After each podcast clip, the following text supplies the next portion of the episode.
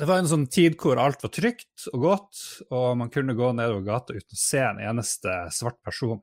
Og så plutselig så dukka det opp masse annerledes folk, og bare what the hell er det som skjer nå? Folk blir litt redd, litt usikre. Og så er det ikke nok med det. Plutselig skal menn og kvinner gå og holde hender med hverandre.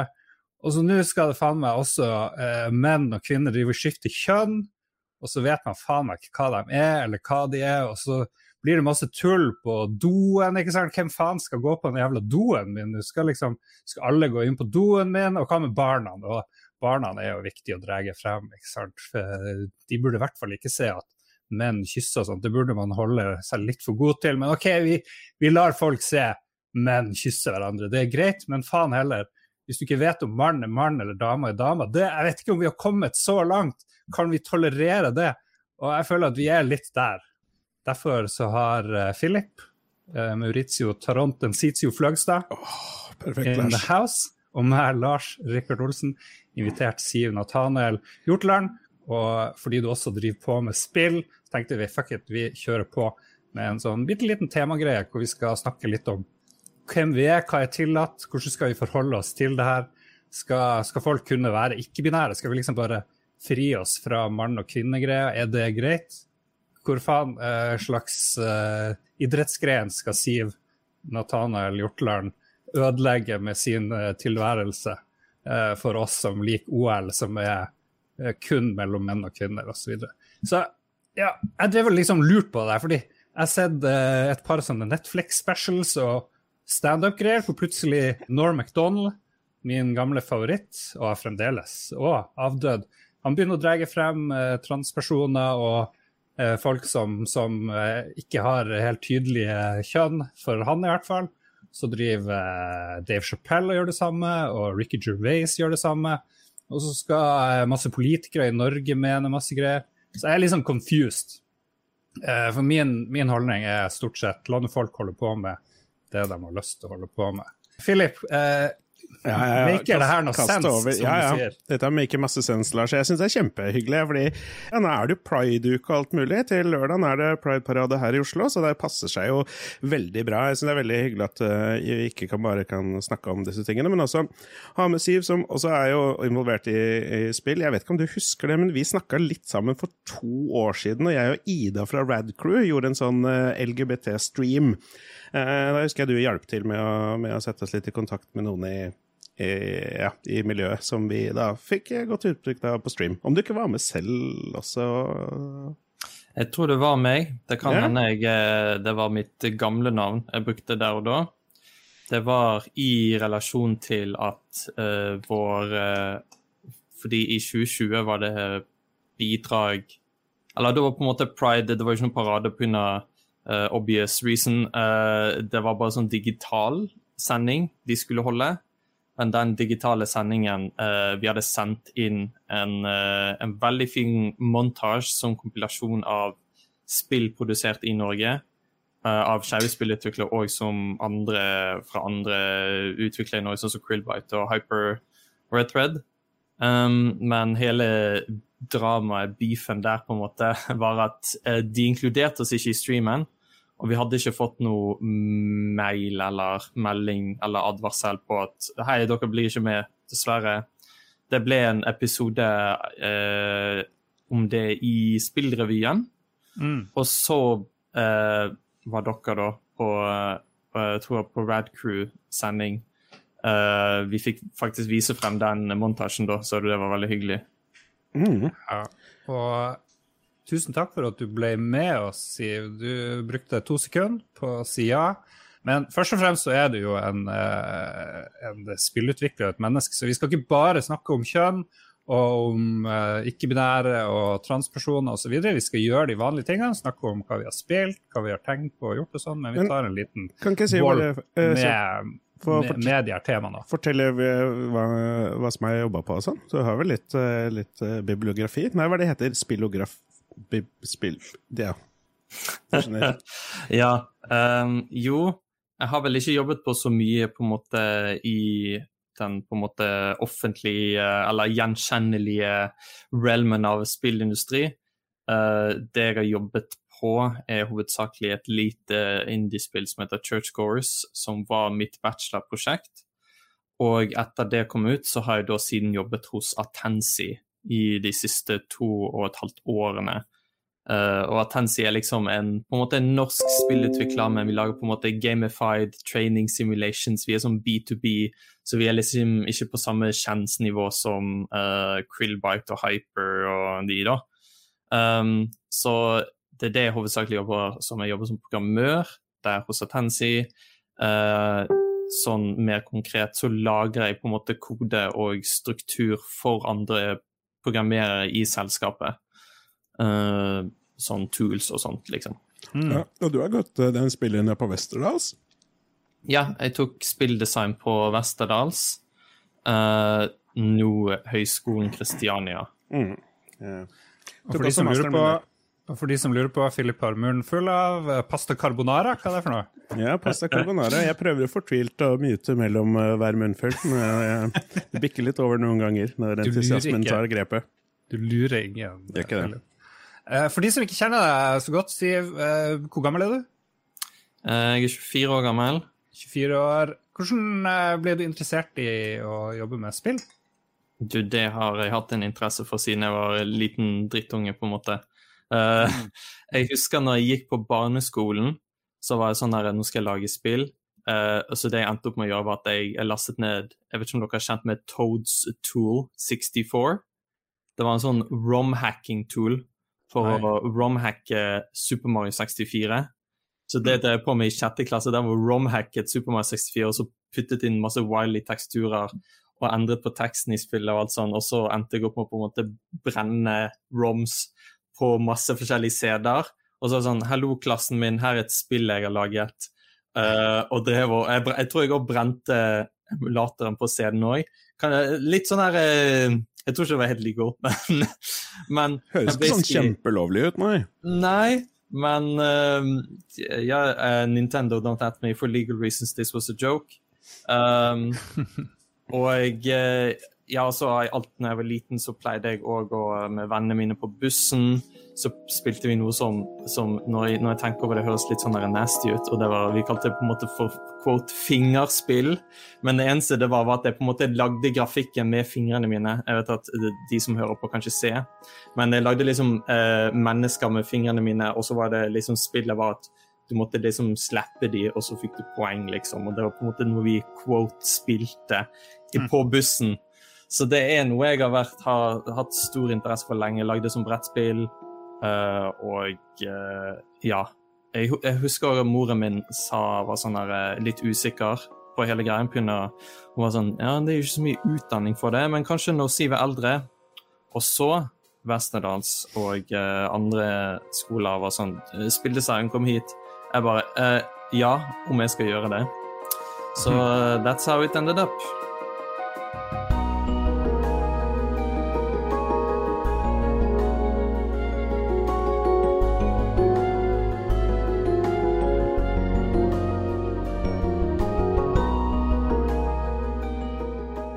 En stund siden du har vært med, Philip. Har det skjedd noe i ditt uh, gloriøse liv? Jeg har så masse på hjertet, Lars. Uh, jeg måtte til og med gå gjennom notatene mine på forhånd for å kutte ned til de mest interessante tingene. holdt jeg på å si. Å nei, nå hyper jeg det opp veldig. Nå hyper du ja, ok, jeg tar tilbake det. Men ok, det var noe jeg sparer til en senere episode som ikke er så, så aktuelt. Fordi først og fremst så har jeg skikkelig myggmani.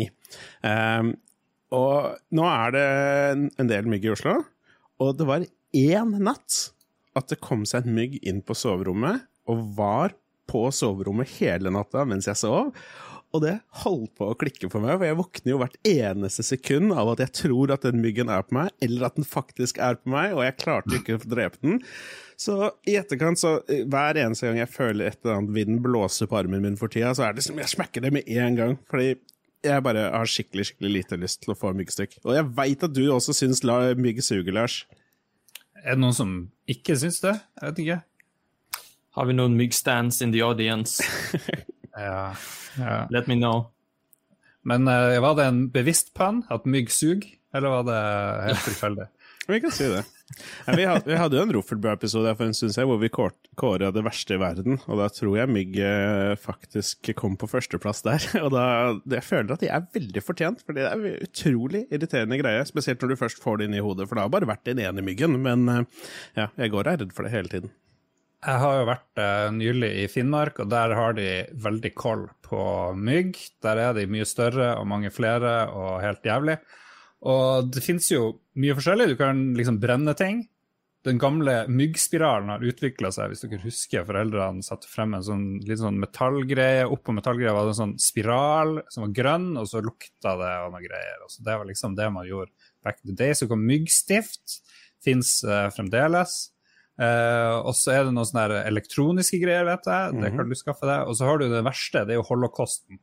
Hvor du har noe som produserer CO2, tror jeg det er, uh, ish.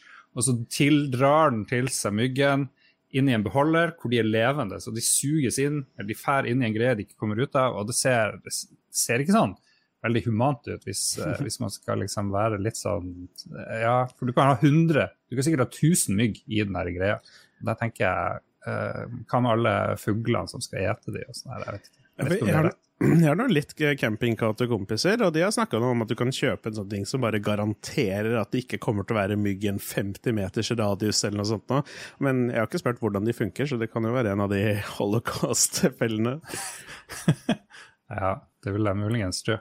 All right. Jeg liker det. Jeg, jeg, ville egentlig mest ta det med meg fordi det var veldig aktuelt akkurat nå. Uh, men mm. jeg har også ført opp bootcamp til helga, og det er, jo, bootcamp og meg er jo ikke to ting som vanligvis hører veldig godt sammen. Um, heldigvis er dette e-sport-relatert, uh, og jeg er ikke deltaker, men uh, for gamle og nye lyttere så sitter jeg i styret til Norges e-sportforbund. Og nå til helga på Eldorado så skal vi ha en bootcamp for det norske Counter-Strike-laget, som da skal representere oss i, først i EM i Romania, og så i VM på Bali litt seinere på høsten. Holy moly. Så det blir en artig greie, forhåpentligvis. Og jeg lurer på hva du har å bidra med som uh, Counter-Strike-gamer. uh, Lenge siden du har spilt det, eller? Jeg har aldri spilt det i hele mitt liv. Jeg har ikke noe forhold til det i det hele tatt. Uh, jeg er bare der som administrator, holdt jeg på å si. Vi skal ha mediedag og litt sånn, så vi skal legge opp til litt sånn, ha et lite styremøte og litt sånne ting. Og så skal det CS-laget få lov til å gjøre sin greie helt uten noen som helst påvirkning fra min side. Det skal jeg ikke ha noe finger i. Jeg syns styremedlemmet i Norsk e-sportsforbund burde ha en Counter-Strike-stream, egentlig. Ja, det, det, vil jeg si. Det jeg kan si, da, som faktisk er litt så semrelatert, er at jeg har um, Jeg spilte mye slåssespill tidligere, spesielt Tekken, og var involvert i miljøet når det ble starta Ranking Battles Norway, som er kjempelenge sida, og de holder på fortsatt.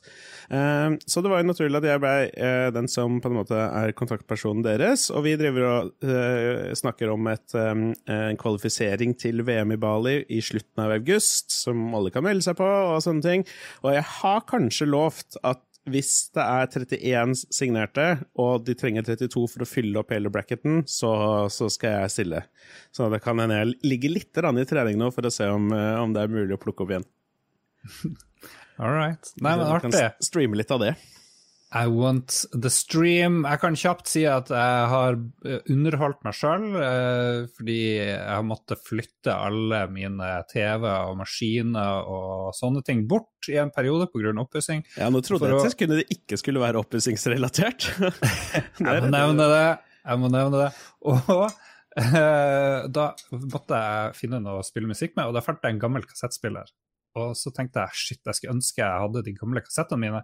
Men what the hell? Jeg klarte å finne uh, Hunting High and Low-kassetten min, eller jeg husker ikke hva det er, å ha kassetten uh, plata het for noe. Det var veldig mye dårlig å ha der. Masse drit jeg ikke, som aldri ble noen hits. Syns ikke det var den store uh, kassetten. Og så fant jeg en kassett som var merka Bon Jovi. Jeg bare wow! For jeg husker jeg hadde en kassett med Bon Jovi på den ene sida og Samantha Fox på den andre. Ja, det var den du var ute etter? Som, eh, søskenbarnet mitt eh, kopiert til det, men der har jeg tatt over eh, det gamle showet, radioshowet eh, Radioresepsjon, som jo var ganske gull, så det er litt artig.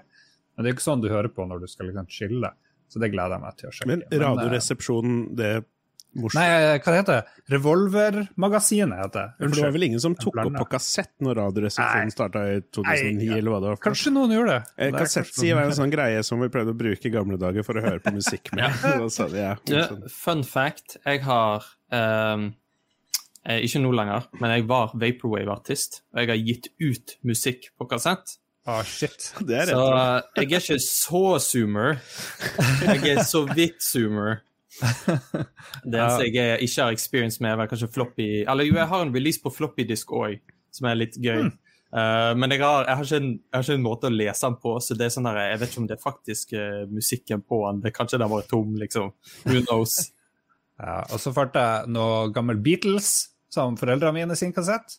Uh, den ene begynte faktisk å krølle seg og fucka opp hele kassettspilleren min, så jeg måtte liksom finne frem en blyant og putte den inn i hullet der, så man skulle liksom surre opp. Men det, det var overraskende god lyd fra kassett. Ingen mhm. sånne der, Kassettene holder mer enn 30 år, tydeligvis, viser det seg. Så det er all good. Jeg husker, det første, jeg husker det første året noen fikk seg uh, Discman, altså portabel CD-spiller, hvor det var veldig tidlig. Jeg var ganske liten og dro på en fotballcup.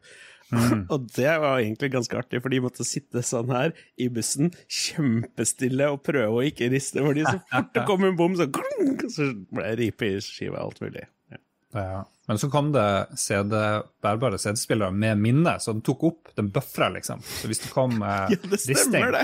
så, så hoppa ikke musikken, hvis ikke det skjedde veldig lenge der. Jeg tror de fiksa det etter hvert, uh, at de fant en måte å fikse det på. Eller jeg vet ikke, vi slutta jo med CD-er, for den saks skyld. Men nå fikk jeg lyst på en Walkman, en sånn, den der gule med, som er vanntett.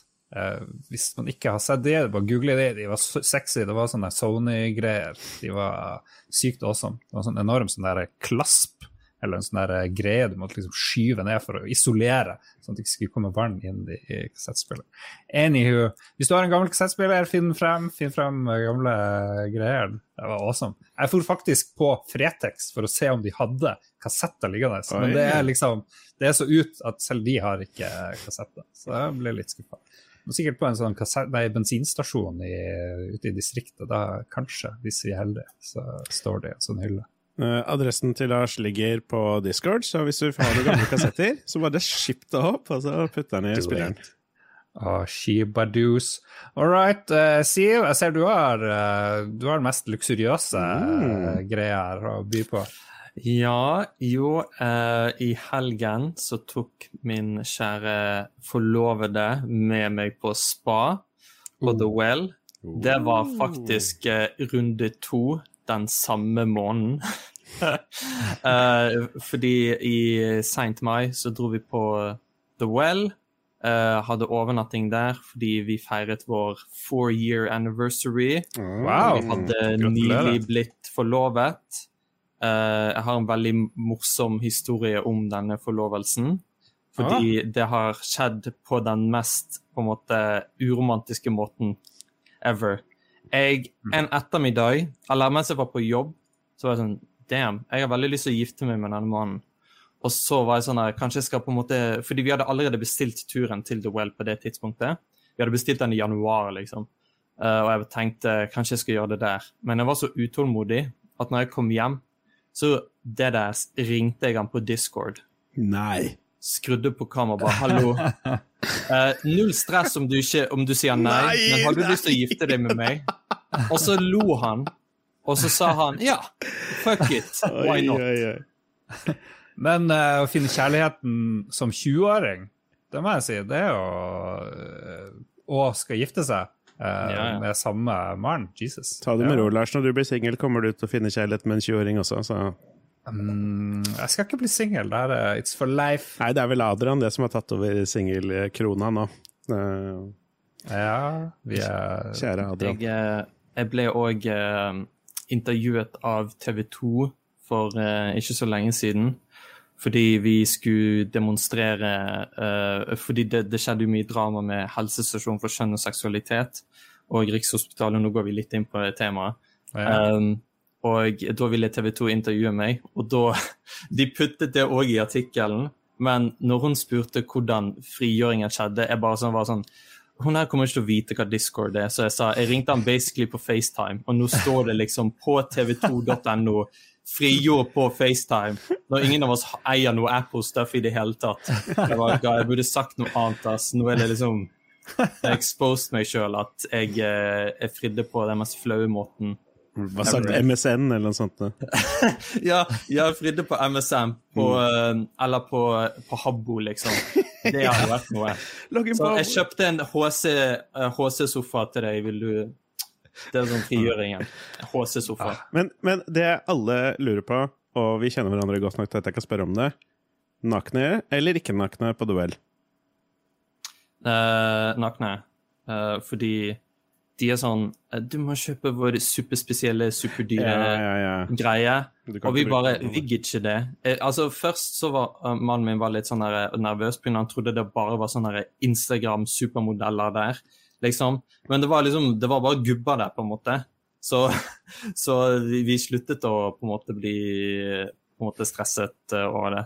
Det er mm. ganske chill der.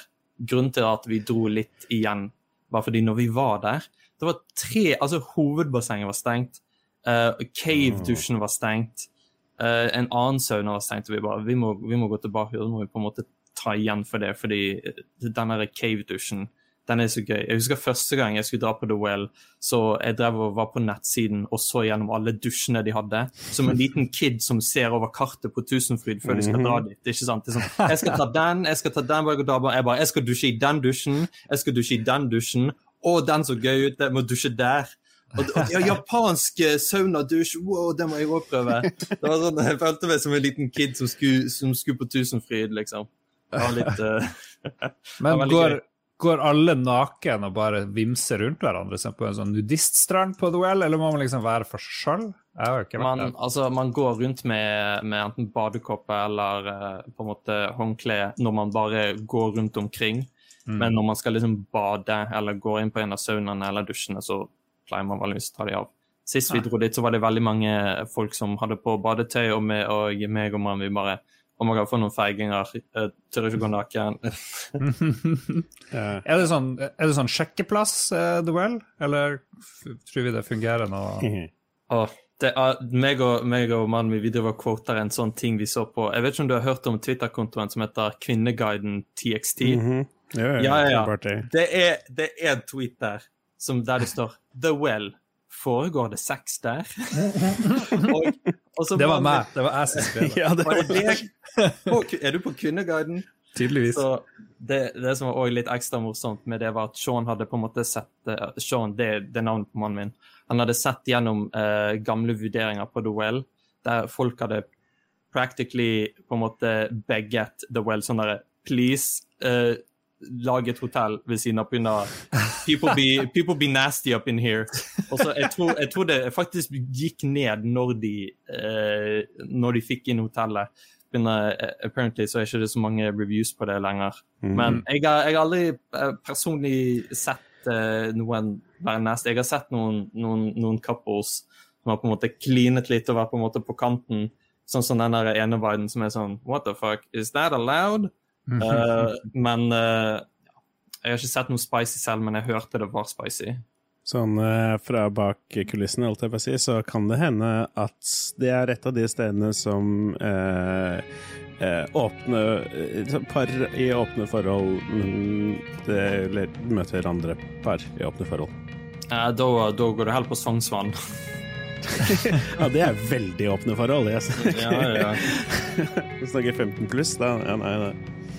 All right. Jeg kårer uh, Sivs historie til den klart uh, beste. Gratulerer. Ti av ti.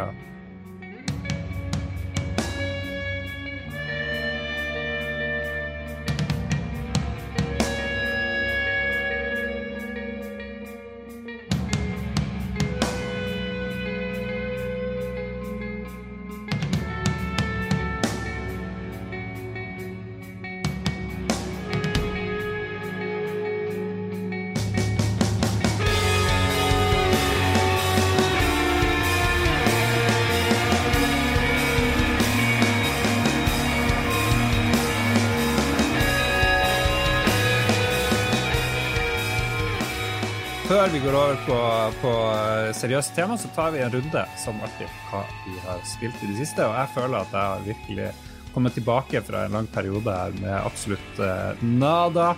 Jeg kan begynne. Jeg har spilt uh, det jeg syns var et fantastisk spill. Uh, sånn cyberpunk, adventure-spill.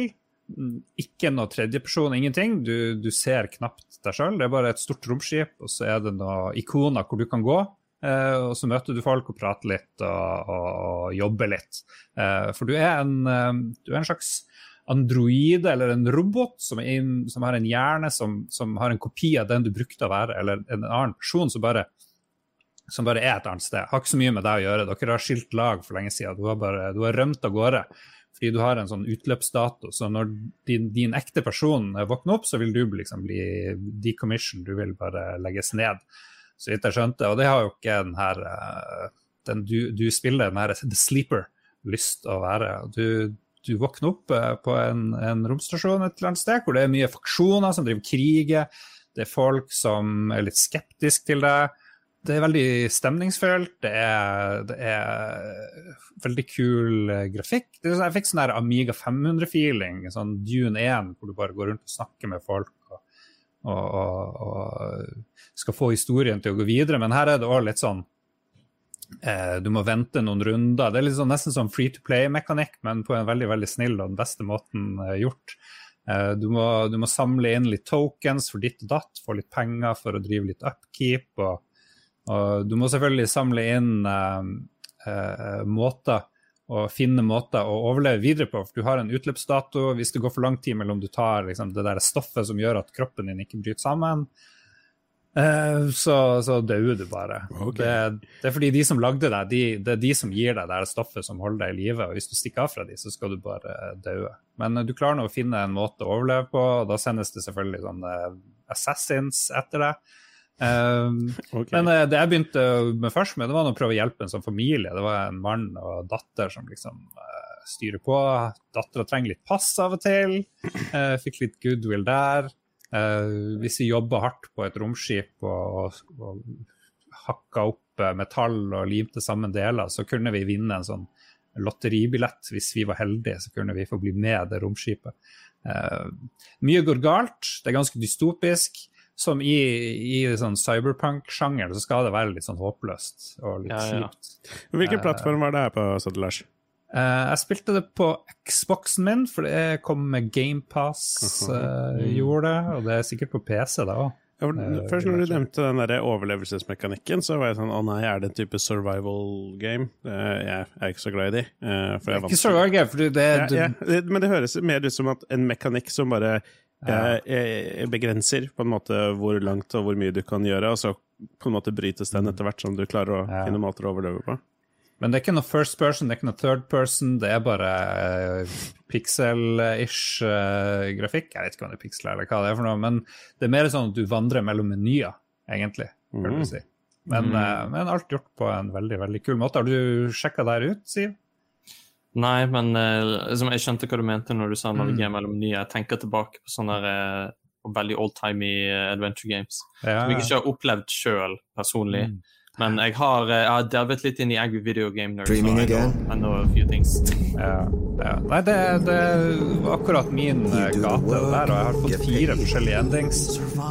Du, du finner veldig mange, mange artige måter å, å avslutte spillet på. Noen raskere enn andre. Og så er det en sånn cyberverden, da, en sånn Matrix, hvor du kan snakke med AI-en i skipet, og, uh, som ikke er veldig hyggelig i starten, i hvert fall. Uh, ja, ok, jeg, jeg, ser en trailer av det nå, og det ser egentlig ganske stilig ut. Jeg er sånn stilig grafisk stil på det. Um, kulere enn jeg trodde. Uh, og ja, det, det, er mye hopping mellom menyer, ser det ut som. Mer som et strategispill et RTS nærmest, med en historie, eller? Ja, nei, det er en blanding av mye sjangre, så jeg vet ikke helt hvordan man skal kategorisere det. Men det heter Six and Sleeper, og det er veldig, veldig OK. Så har jeg også spilt litt uh, Loot River. Det er vel òg på GamePass, uh, hvis jeg ikke husker feil. Jeg har fått mye skryt. Det er et rogelike-spill uh, hvor du er en fyr som springer rundt i en undergrunn uh, og, og, skal komme deg til toppen. Jeg vet ikke, du bare dør i starten. Det er veldig Dark Souls-ish på noen måter. Eh, Pikselperfekt eh, kampmekanikk, og det er komboer, du kan levele litt opp innimellom og beholde evner og sånt. Spilte det ikke så mye, ble litt sånn lei. Jeg vet ikke om jeg kjente at jeg gidda ikke akkurat den typen spill. Var det også på Xbox? Jepp. Det er en annen sjanger som jeg ikke er så glad i.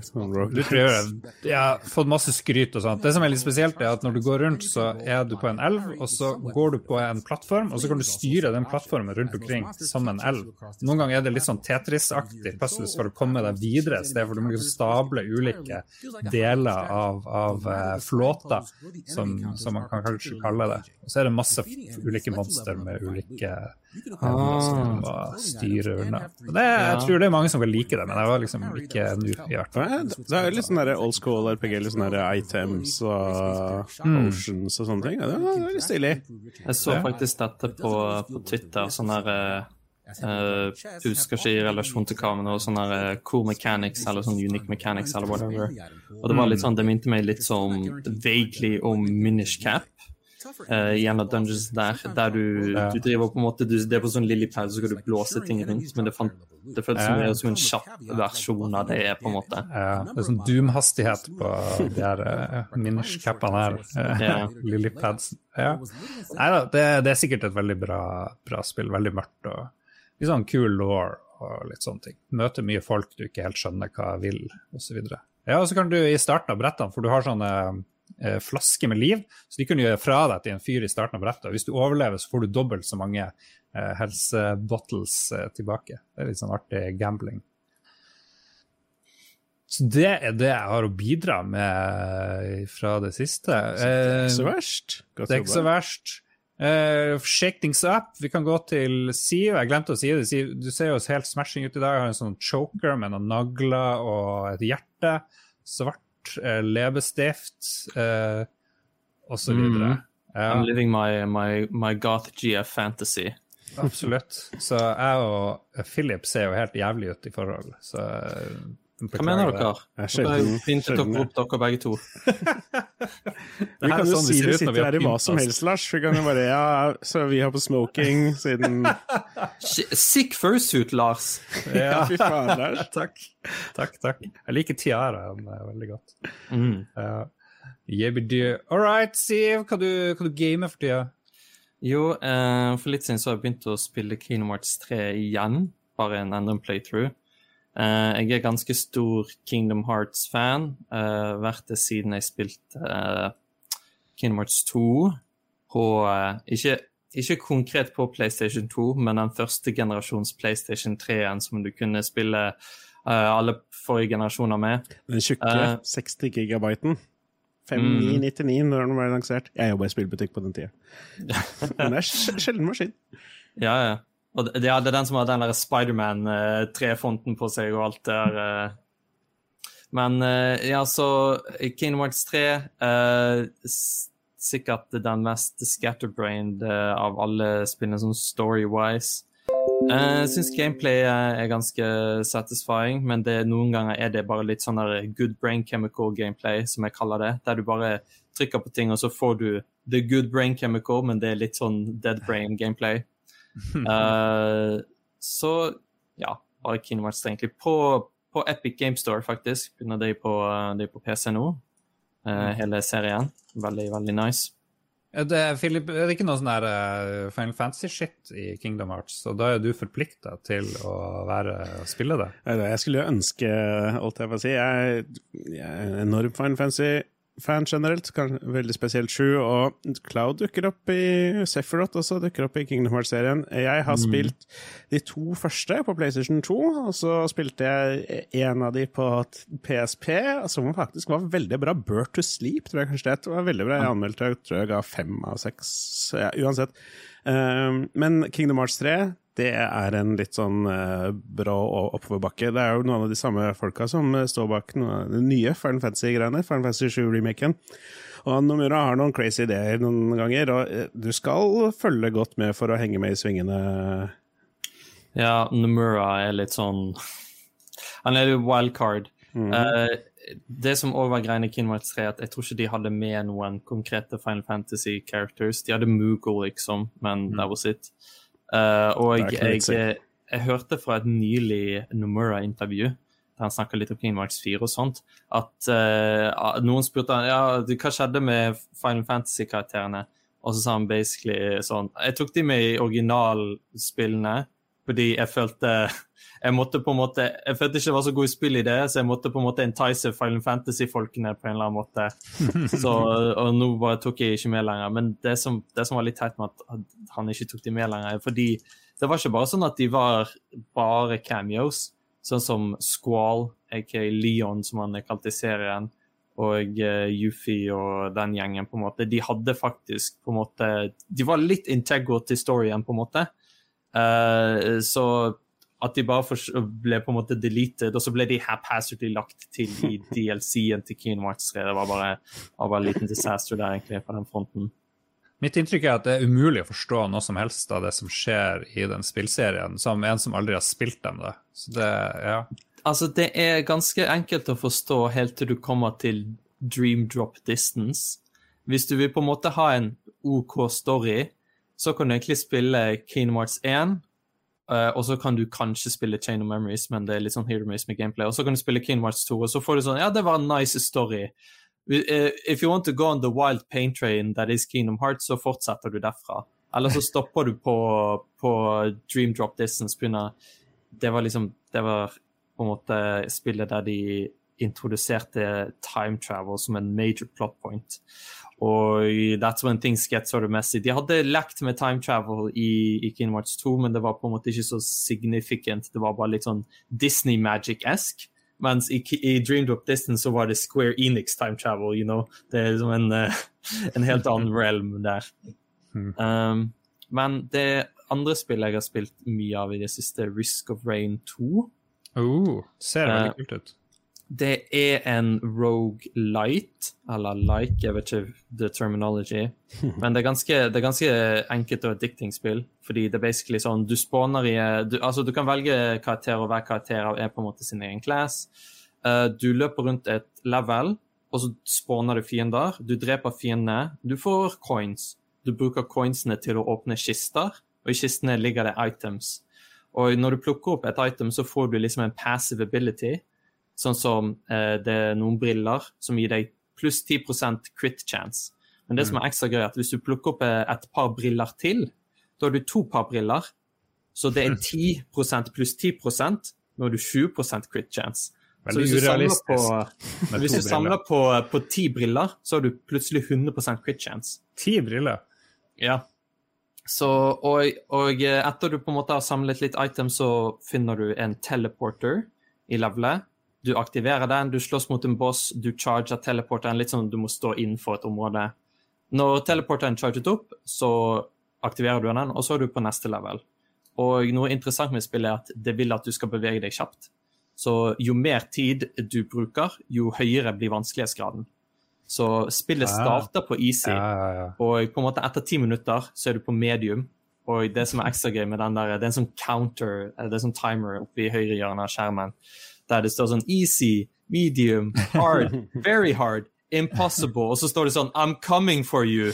Og så eh, til slutt så looper det bare ha-ha-ha-ha-ha-ha-ha på den derre uh, Nei, sjukt gøy spill. Veldig, veldig replayable. Every run is sort of different. Og det er, en, det er et sånt rogelike-spill der vennen din kan på en måte joine inn, og uten mm. å vite noe om det. Det er ikke noe på en måte det er litt sånn cross-run progression med at å, du gjorde et achievement, så derfor har du nå unlocket dette itemet, så det kan du uh, er på en måte i random-poolet for neste run, på en måte.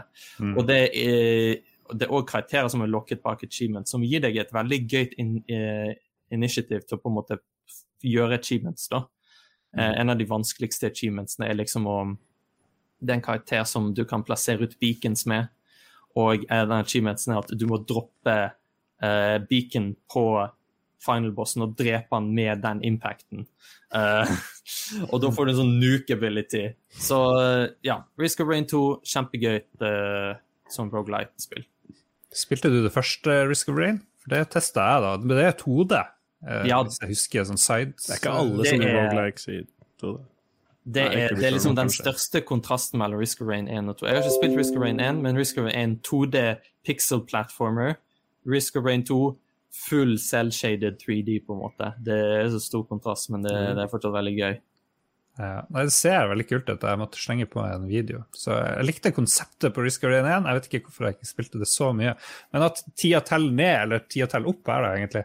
Eh, det er litt sånn stressfaktor. Jeg vet ikke om jeg er helt klar for, men jeg må ta og sjekke det ut. Er det kun mm. på PC, vet vi det? det Nei, det er practically på alle plattformer, liksom. Ah. Jeg har det på Switch, for eksempel, så uh, you can play it anywhere. Til og med på Switch, ja. Eh, Til og med på Switch, ikke cloud version. Det er jo eh, Jon Cato som er quiz-spesialist her, men siden han ikke er her, så tar vi en veldig kjapp en. Først må lytterne svare, så skal Lars svare, så skal Siv svare. Hvor mange spill er det utgitt i Kingdom Hearts med Oi. serien? Da ja, det... går etter de som er annonsert på, på, på Wikipedia. Ja, jeg, jeg tror det først, først, først er det lytterne. Lytterne det lytterne. Okay. Skal vi vente på de? Ja. OK. Nå har de et tall. OK, det var feil. Sorry. Nei. jeg går Jeg tipper det Jeg tror jeg har hørt om fire, fem, kanskje. Da sier vi seks. Jeg tror det er seks spill. Mm -hmm. Det er litt lite. Ja, er det meg? Å oh, ja, OK. Skal vi se. Uh, jeg, må, jeg, føler jeg må telle på fingrene. Uh, altså, vi har Union Cross. Uh, eller du har Key, og du har Unchained Key. Og så har du Dark Road, så det er fire som er mobilspillet, men du kan telle det som én. Så fire Birth by Sleep, Kingdom Hearts 1, Chain of Memories um, Skal vi se 358 over two days. Oh, yeah. uh, sa jeg ikke allerede Kingdom Hearts 2? Uh, I don't know, Kingdom Hearts 2. Uh, recoded uh, Dream Drop Distance. Mm -hmm. Kingdom Hearts 3 og 0.2, så er 13 riktig. Det er 17 vi er ute etter. Det er noen av de remixene. 1.5 remix X, 2.5 remix Unchained slash Union X. And ja. 2.8 file chapter prologue. Ja, den sa du, tror jeg. Ja. ja, det er fordi det, det er collections, på en mhm. måte. Mm, så, så, liksom de spillene nevnte i de, i de collectionsene, da. Mye nærmere enn Lars uansett. Gratulerer. Ja. Jeg gir, eh, gir Siv 10 av 10 igjen. 20 poeng allerede på Siv. Null på Philip og Lars. Ja, ja. Sånn går det. Nå er vi jo inne på Square, så da tar jeg gjerne opp eh, tråden her. Fordi min beste ting i hele verden, holdt jeg vil si, er jo Final Fantasy 7. Og denne gangen har jeg en grunn til å snakke om det, fordi det har kommet nye nyheter om Final Fantasy 7-remaken. Eh, og det er noe jeg alltid har på siden si har spilt siden sist, siden jeg da gjorde en, um, en stream sammen med Level Up. Eh, Carl og Audun fra da, Genovas vitner de gjorde da denne podkasten hvor de tok for seg alle Final Fantasy-spillene og så alle Kingdom Hearts-spillene. Eh, Eh, så vi ja, sjekka ut den nye traileren og sånn. Det var jo selvfølgelig veldig artig, eh, selv om vi ikke fikk se så utrolig mye mer. Eh, jeg tror ikke det er noen som er interessert nok til å høre meg snakke om det altfor lenge, men jeg gleder meg veldig. Det blir kjempegøy. Eh, selv om jeg er utrolig skeptisk til hvordan de skal klare å presse hele Fine Fancy 7 inn i to deler til, når de også skal putte inn så mye nye greier. Eh, så det er jeg veldig spent på. Men så kommer det noen remake av et PSP-spill som eh, jeg er veldig spent på. Hmm. Mm. Ja. Okay. Fikk jeg tenkt meg litt for det òg. Er du en sånn Final Fantasy-person? Siv? Uh, no. Men Nei. jeg så på en video på YouTube for litt siden som snakket om Lost Media, sånn Lost mobilspill. Og da hørte jeg om et Final Fantasy 7-spill som het Crisis Core. Yeah. Som var på en måte et lost mobile game. Men så fikk jeg høre sånn Å, shit, det skal bli på en måte remade. Så jeg var sånn her Ja, Good for them. det, det, det, det, spillet heter Before Crisis. Before Crisis, ja, det ble, ja, jeg vet, Alle de spillene de navnene er ganske like. Det ble utgitt kun på noen sånn spesifikke mobilmodeller, kun i Japan. Så det har ja, aldri vært utgitt her i Vesten før. Før nå, og det gleder vi oss til. Mm. Uh, jeg har også spilt et spill som jeg uh, må nevne. Det begynner å bli en liten stund siden sist nå. Uh, både Rage Quit har snakka om det, og Lykkes univers med har snakka om det. Det er jo dette Killer in the Cabin. Um, for dere som har fulgt litt med på streamene til de respektive podkastene, så har de jo fått det med seg der, men det er jo et sånn type Among us eh, drepe hverandre-spill, men eh, man skal også overleve eh, sammen. Det høres kanskje merkelig ut, men man er en gjeng på åtte stykker ish som krasjer i skauen, og så må man overleve i x antall minutter ved å da finne vann og mat og sånne ting. Og jeg liker jo ikke survival-spill vanligvis, så det høres jo skikkelig kjipt ut, men så er det jo en av dere som er en morder, og det gjør det jo betraktelig mye mer spennende. Men de krasjer, krasjer de med fly, eller åtte personer er veldig mye? En minibuss? Ja, en, i en buss. Skolebuss, til og med. Men de er ikke mange, så det har ikke noe med saken å gjøre, tror jeg. Og de er på vei, liksom? Uh, den backstoryen kan du lage selv. Jeg lager, ah, ja. jeg lager, ny backstory for hver, hvert nytt game. Ah. Ja. Uh, det er vel fortsatt i sånn uh, beta, open beta, trend early, et eller annet sånt nå, tror jeg, for de driver og oppdaterer det hele tida. det er jo glemt det. Hele greia er jo at det er lagd av noen norske folk, to norske gutter som er brødre, om jeg ikke tar helt feil. hvor han ene er minst han ene er venn av Lolbua, og så veldig bra, bra folk, og det er gøy at man eh, når man først skal liksom støtte noe noen kule folk har lagd, så er det faktisk litt gøy å spille. Så jeg og Ståle og resten av gjengen har hatt flere runder med kjempeartig multiplayer med dette spillet. Hmm. All right. Jeg blir bare stressa av sånne her greier der. Jeg vet ikke, jeg klarer ikke. Jeg blir bare stresset hvis jeg er the killer, liksom. Når da føler jeg at ja, jeg må, ja, det er det. Man føler seg litt sånn som Light i, i Death Note, liksom. Ja, jeg tror man må overtenke hver eneste lille ting man sier og gjør. Ja. Ja, det, jeg syns nesten det er det morsomste med sånne mange sånn, er å være detektiv og prøve å finne ut hvem det er som driver og dreper folk. Uh, ja. Men jeg friker også ut når det er min tur til å være morder. Jeg er ikke noe glad i det. Ja. Jeg, klarte, jeg tror jeg varte i sånn ett minutt som morder i Among us den ene gangen jeg skulle være der. og så bare fuck. Ja, vi hadde jo en skikkelig bra rull på Among us på stream, og sånn hele gjengen spilte hele tida. Og Lars syntes ikke det var så gøy i lengden, om jeg ikke husker helt feil. Jeg eh, har en precursor til å streame Among us, og det var på Dere husker kanskje Er det OD-dagen det heter? Sånn, der, sånn uh, ungdomsskolekid som må liksom jobbe en uke, eller whatever. Uh, det vi spurte læreren vår om vi kunne gjøre, var kan vi streame og ta imot donasjoner. Oh. Uh, og så var det ja. Uh, det var, jeg tror det bare var læreren som donerte, som var litt gøy. Men det vi spilte, var Trouble in Terrystown på Gary's Mod. Mm. Det var det var Among us of the 2010s, liksom. Mhm. Mm -hmm. mm. All right. Tenk å få spille data på Operasjon Dagsverk. Det var en veldig god idé. Ja. ja. Det lurer man systemet ganske godt, føler jeg. Det er bra vi ikke har så unge lyttere, ellers hadde det vært en pandemi av uh, tiendeklassinger som alle sammen skal streame til neste OD-dagen. Ja, life hack.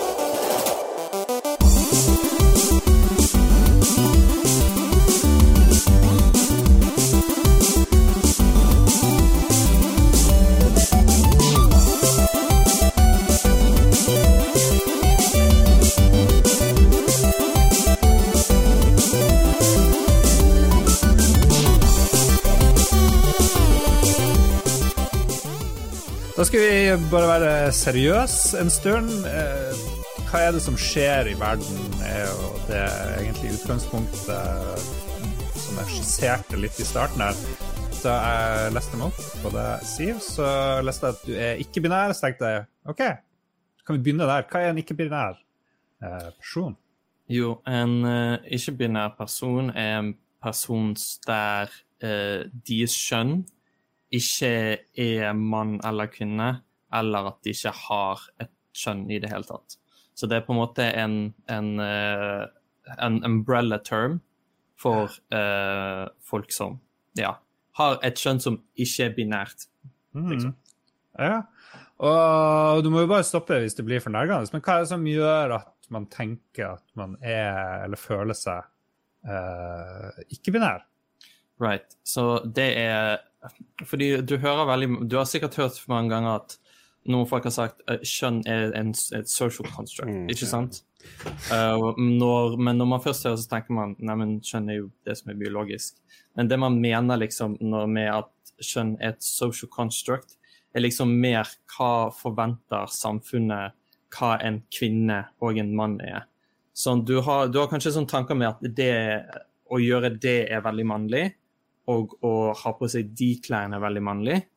Og å ha på seg de klærne kvinnelig, og å gjøre de tingene veldig kvinnelig. Så det er liksom det vi mener med identifikasjonen mann. Det er at man på en måte er quote mannete og gjør mannete ting. Uh, mm. Så det er det på en måte man mener med et sosialt construct. Så det er liksom uh, at, at, man tar på seg en sånn samfunnsrolle av å være mann. Så meg som ikke-binær er litt sånn jeg, jeg, føler ikke jeg kan ha en mannerolle eller en kvinnerolle, på en måte. Så jeg velger på en måte, uh, på en måte Jeg vil ikke være mann eller kvinne, jeg vil ikke være et kjønn. Jeg vil bare at folk skal på en måte uh, bli kjent med meg som person først, uten å på en måte ha en sånn conceived på en måte viten om at du, du er mann, derfor er det, er, er det, sånn du pleier å oppføre deg, typisk. Mm. Mm. Ja. Fordi det er, Nå kan det hende det sitter folk der ute og er litt sånn derre Hæ? Hvordan liksom Whatever. Du, man er født som noe, og så er man noe. Men du, du er inne på det med litt sånn engelsk ord i bruk, social construct, fordi det, det jeg syns er en sånn kjempeviktig ting å på en måte få fast liksom før man nesten snakker om disse tingene, er at det er en forskjell på, på Hva er det på norsk? Sex og gender? Hva, ja. hva kaller vi det altså, på norsk? Altså, man, jeg tror ikke man ja, velger å spørre altså, Det som noen ofte blir brukt, er biologisk kjønn, liksom. Det som har med kroppen din å gjøre. Hva er ditt biologiske kjønn? Man har jo selvfølgelig folk som er født utenfor det binære. Det er ikke bare biologisk kjønn som kan være ikke-binært, og folk som er intersex. Og det er veldig mange måter det på en måte kan bli reflektert. Sånn som man kan ha en type En av de mest interessante måtene er, at cellene dine er på en måte Altså Se for deg hvis du er født mann, så er alle cellene dine blå. Hvis du er født kvinne, er alle cellene dine rosa. Typisk som mann-damefarge. Mens det er noen intersex-folk som er født med et mosaikk av de forskjellige fargene i hver celle. Så på en måte halvparten av cellene deres har på en måte XX-kromosom, f.eks og halvparten av de har XY.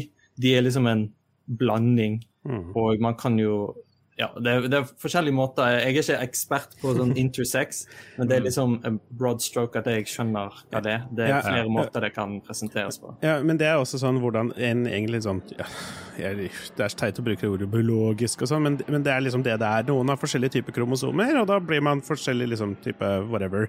Uh, men, det, men det er liksom den andre delen du nevner, er hvordan vi kulturelt oppfatter det. Fordi det er jo der det på en måte dukker opp, er at La oss si at en type mennesker er født med penis, og en annen type mennesker er født med vagina. Men vi ser for oss at de som er født med vagina, de har langt hår. Og de som er født med penis, de har kort hår. Men så, mm. får, men så føler man at man har lyst til å gå med den andre type hår. Og det, da snakker vi den kulturelle, liksom, hvordan man føler seg, hvordan man opplever seg, hvordan man ønsker å uttrykke seg.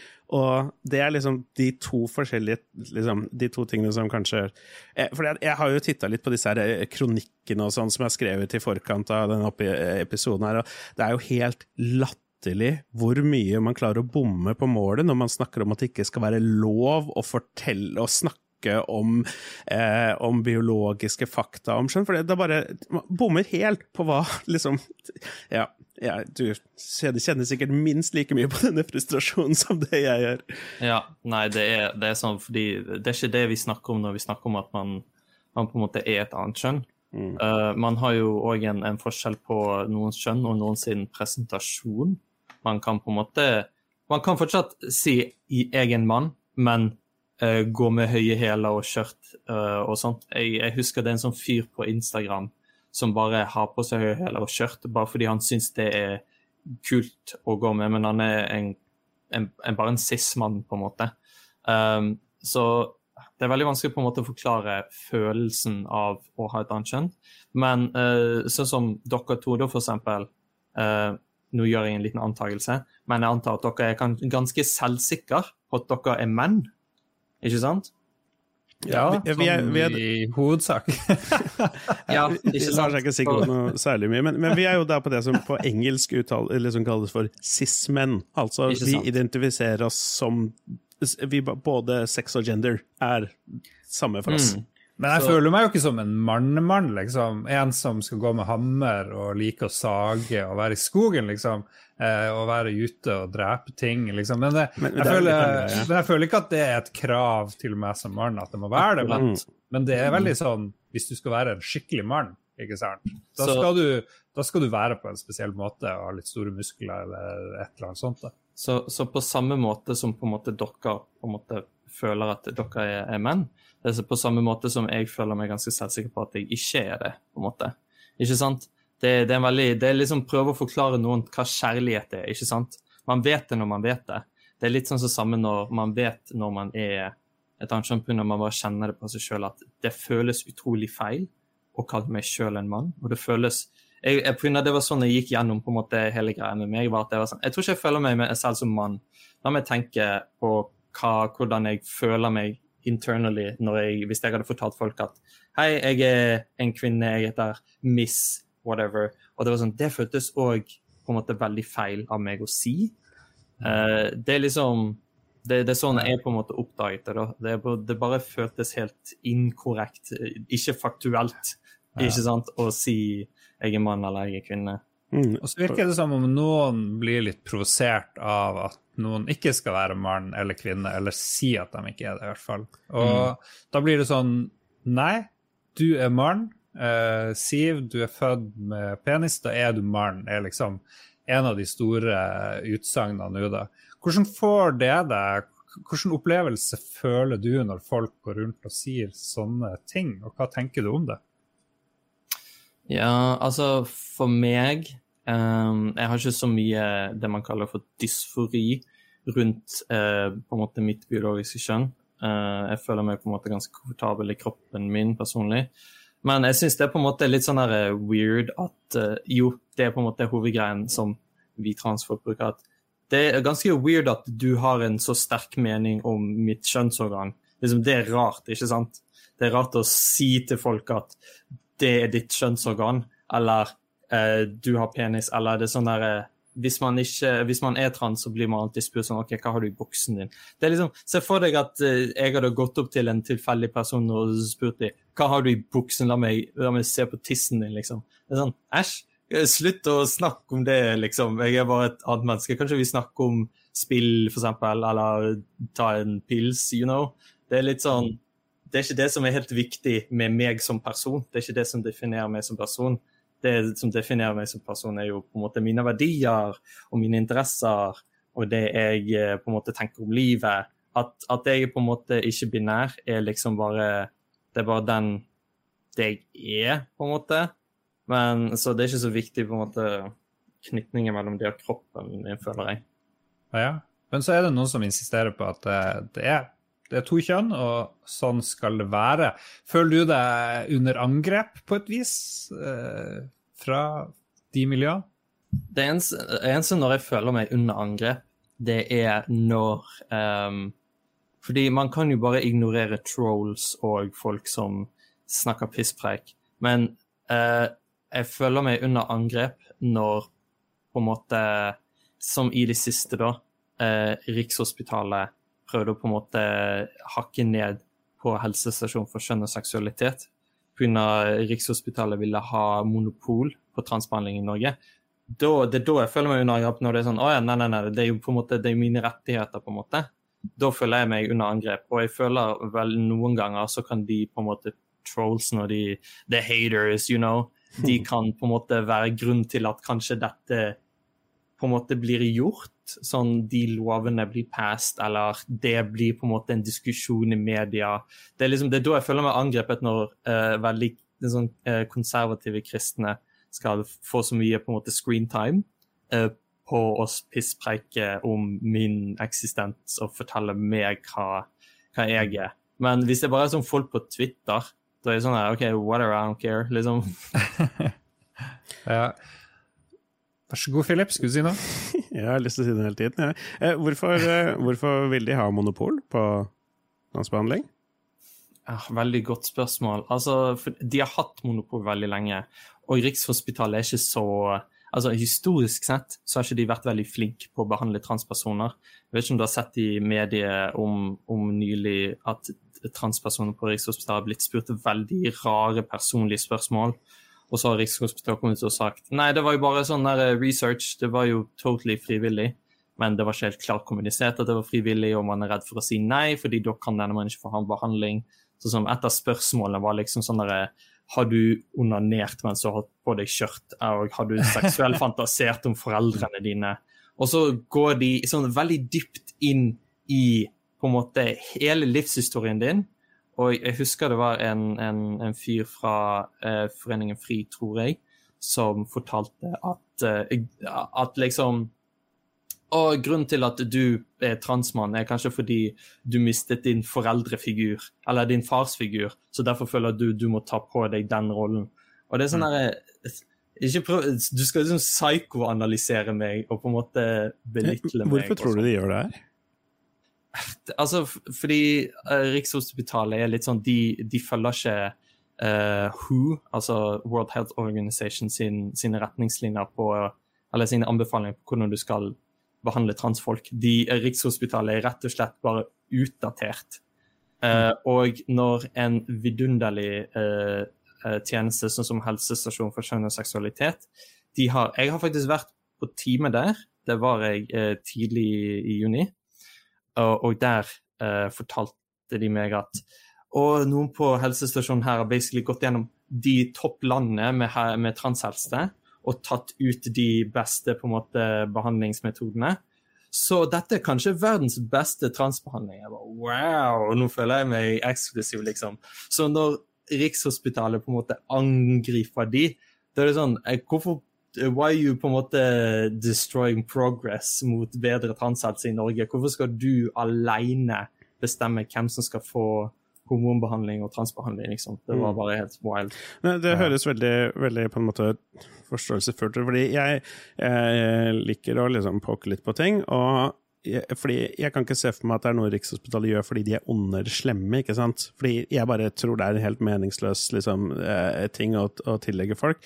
Men at de har en utdatert rammeverk som de må forholde seg til, høres ut som noe Rikshospitalet kan, definitivt kan ha hatt. Og jeg er en veldig sånn tro på institusjoner-fyr, og hvis WHO har oppdatert liksom, sine retningslinjer for liksom, dette er noe som vi er sikre på er noe vi burde forholde oss til på denne måten, så er det, det ja, helt enig at det er liksom bakleggs og gammeldags og ikke klarer å, å oppdatere seg til, til, det i det minste. Men eh, du nevnte Twitter i stad, og Twitter har jo vært sånn bakgrunnen for noe annet drama. Eh, da er det jo noen som har blitt politianmeldt for å ha slengt noe dritt på Twitter eh, og eller Facebook, om jeg ikke husker helt feil. Og det har jo masse artikler og lederartikler og, og innsendelser av bl.a. Lars Ingo-kompis Per-Willy Amundsen om hvor forferdelig dette er, og at angrep på ytringsfriheten og, og sånne ting. Um, det, ja. ja. Hva tenker du om alt det der? Det, før, før ja. du svarer, jeg tenker at vi må gjøre det klart at Siv er jo ikke talsperson for ja, nei, eh, jeg, alle som er transpersoner eller ikke-binære i Norge, så mm. det er jo bare din mening. vi skal ja. Dette blir litt drevet med å ha en koselig chat. ja, eh, fordi så vidt jeg husker så omhandler hele måte det dramaet om eh, den vidunderlige Kristine Jentoft.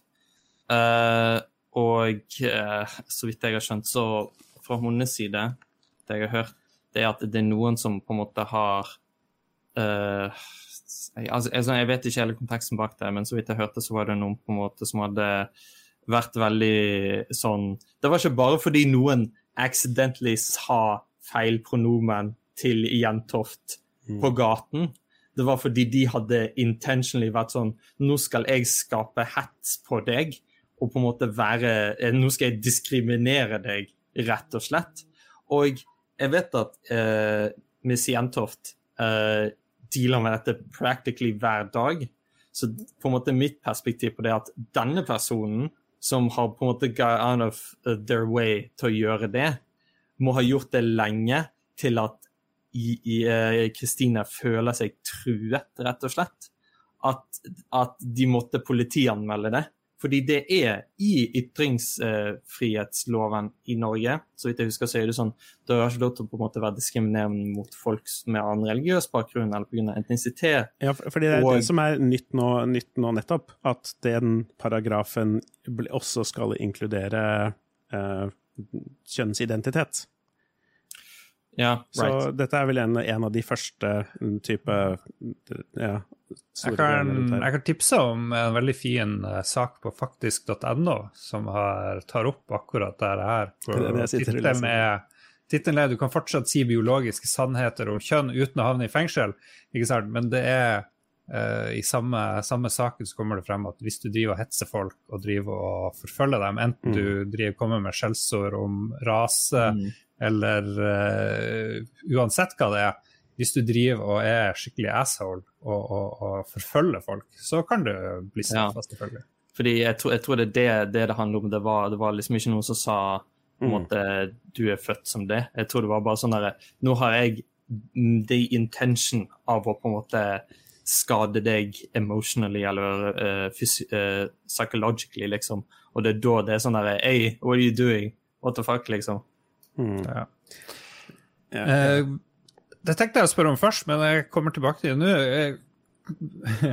Det, liksom, det, går ikke an å spørre en, en, person som er homofil hvordan er det å være homofil, men opplever du noen reaksjoner fra omverdenen sånn i dagliglivet på at du er ikke-binær, eh, selv om sikkert ikke mange vet at du er det? Ja, fordi det er veldig nylig jeg har begynt å uh, Så jeg har jo wonderfully sminket meg i dag. Det er fordi mm. vanligvis når jeg ikke gjør det, så ser jeg veldig maskulin ut. Uh, så jeg prøver på en måte å kompensere det sånn at jeg er på en måte mer åpen, ikke binær, på en måte. Uh, det eneste uh, Altså, det er ikke så mye jeg opplever det på en måte i hverdagen. Jeg, det, en, det verste som kanskje har skjedd, var Jeg lagde en TikTok for ikke så lenge siden. Jeg lagde to TikTok som var sånn Dette er mine favoritt-pride-flagg. som begynte Jeg listet to pride-flagg først, og så begynte jeg å tulle.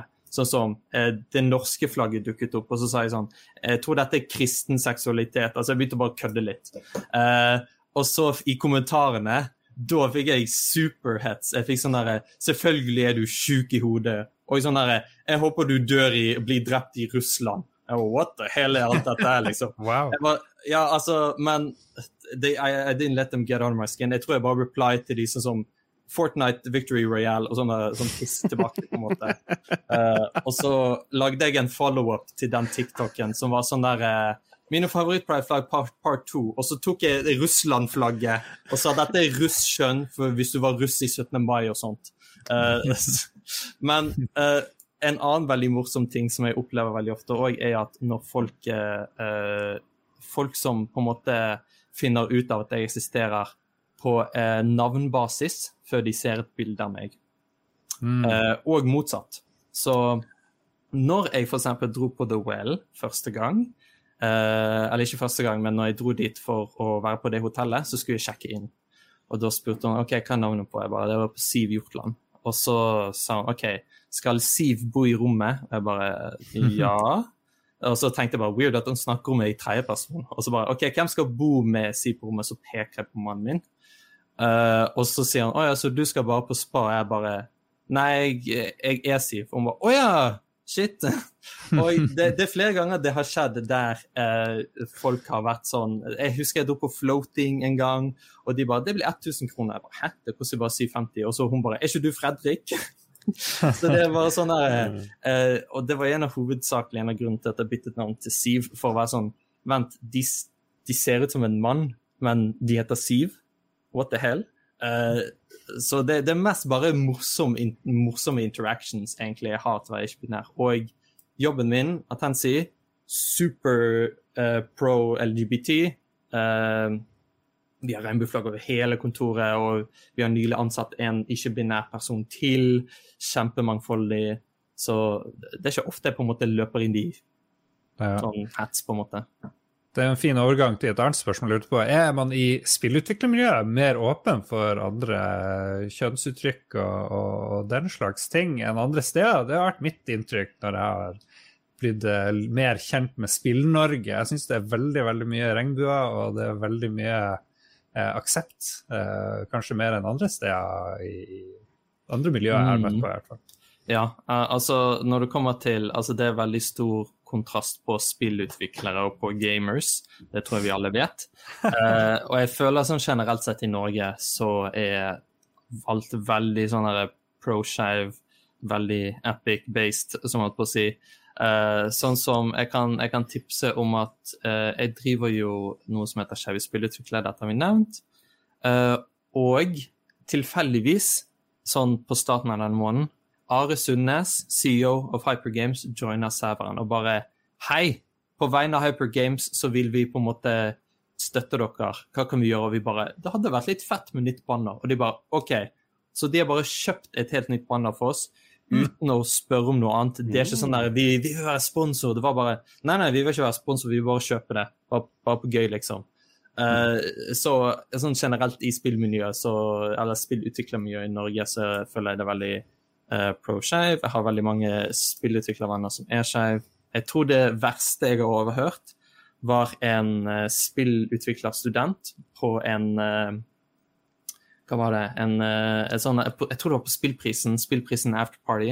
var noen som hadde sagt noe sånn her at å, å være på en måte ha et annet kjønn, det var en trend, akkurat noe sånt. Og det er jo noe helt annet vi kom inn i. At det er, en, liksom, det er trendy å være uh, skeiv eller trans, på en måte.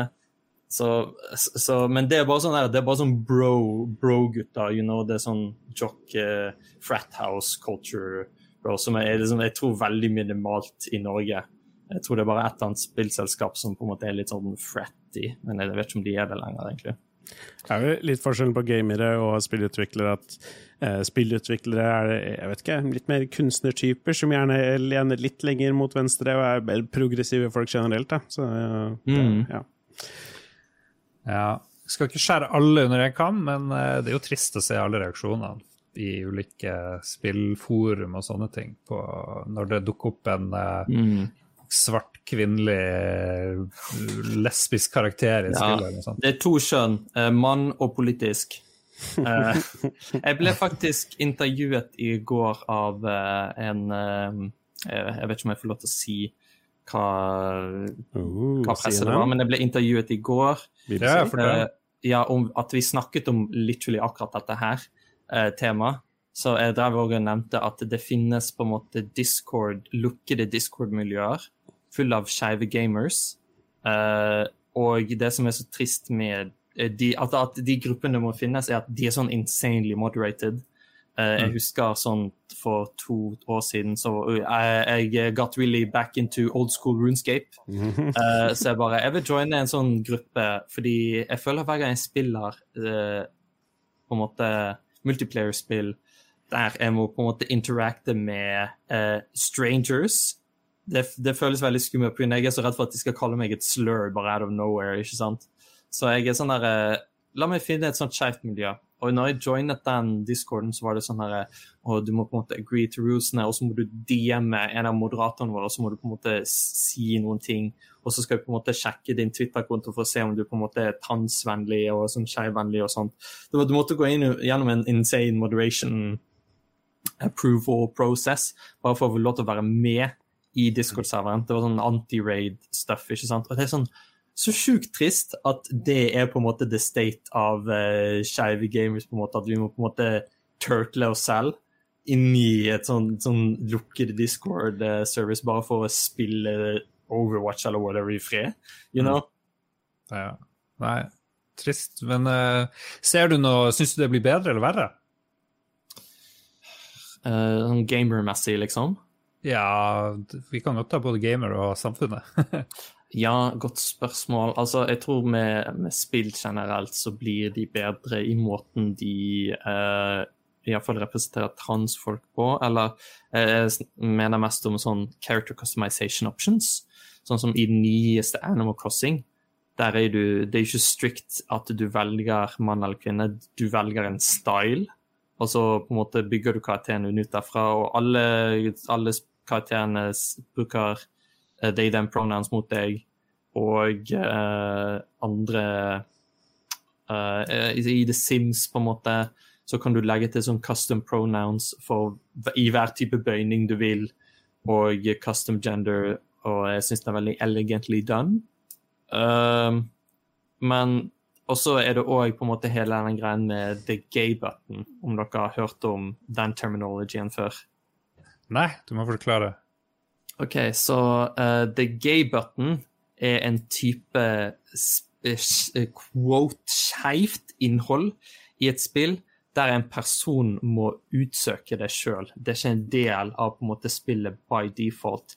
Tenk typ romansbare karakterer som er tiltrukket spilleren uansett spillerens skjønn.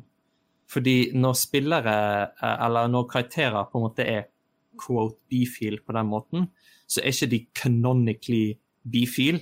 De er bare programmert til å like spilleren uh, uansett hva, hvem de er, på en måte. Uh, I motsetning til på en måte on, quote ordentlig by representation i spill der karakteren er skrevet som en bifil person, og på en måte uttrykker kanskje i noen utsagn at de er bifil. Uh, og, og, på en måte det er på en måte en del av karakteren, da, og ikke bare slap on. Å, de er bifile fordi de, hvis du er damekarakter, og de er jo damer, de liker jo deg, så det er sånn uh, og, og, det med gay-button, hovedsakelig det som er greia med det, er at en homofobisk, transfobisk person kan spille gjennom hele spillet uh, som intended uten å løpe inn i noe skeivt content. Fordi for de så er den romansbare karakteren heterofil, ikke sant? De er ikke inherently skeiv. Så det er det, det er det, som på en måte er liksom uh, menes med the gay button. Det er liksom quote skeivt content som ikke er sånn ordentlig representasjon, men det er bare litt sånn faux representation som corporation noen ganger kan få litt sånne plusspoeng på. Ja, ja. Jeg er veldig glad i regnbuekapitalisme, riktignok. Jeg syns det er kjempefint. Fordi Eller ja, altså det okay, er, men, men, ja, fordi alternativet liksom. fordi Jeg tenker jo Witcher 3, liksom, for det er jo masse av den type greier. Og så mm. tenker jeg det er bedre enn ingenting, og så er alternativet å lage to sepp... For hvis spilleren først skal kunne velge kjønn selv, så og delt, eller liksom sideinnholdet ja, skal de skrive Ja, de kunne kanskje skrevet to karakterer, da, I guess. Eller ja, jeg vet mm. ikke. Ja, fordi altså uh, Don't get me wrong, jeg syns det, det, er veldig positivt at på en måte de, de liker spilleren uansett. Og uh, jeg ville ikke sagt at det gjør et spill av dårligere kvalitet, men det som plager meg, er når folk sier at dette her er konkret superbra skeiv representasjon, når det er skeiv representasjon, på en måte, og det på en måte gjør spillet mer tilgjengelig for skeive folk. Det er alt positivt, det. Men altså, det som kan være et problem med det, er at når, når folk mener at å, se hvor skjevt positivt, utrolig skjevt positivt dette spillet er, når det er bare er litt sånn derre OK, you, you, did the minimum effort på, på representasjonsdelen, liksom. Mm. Så definitivt ikke super negativ, aldri kommer til å spille det, liksom. Men det er litt sånn derre There's room for improvement here.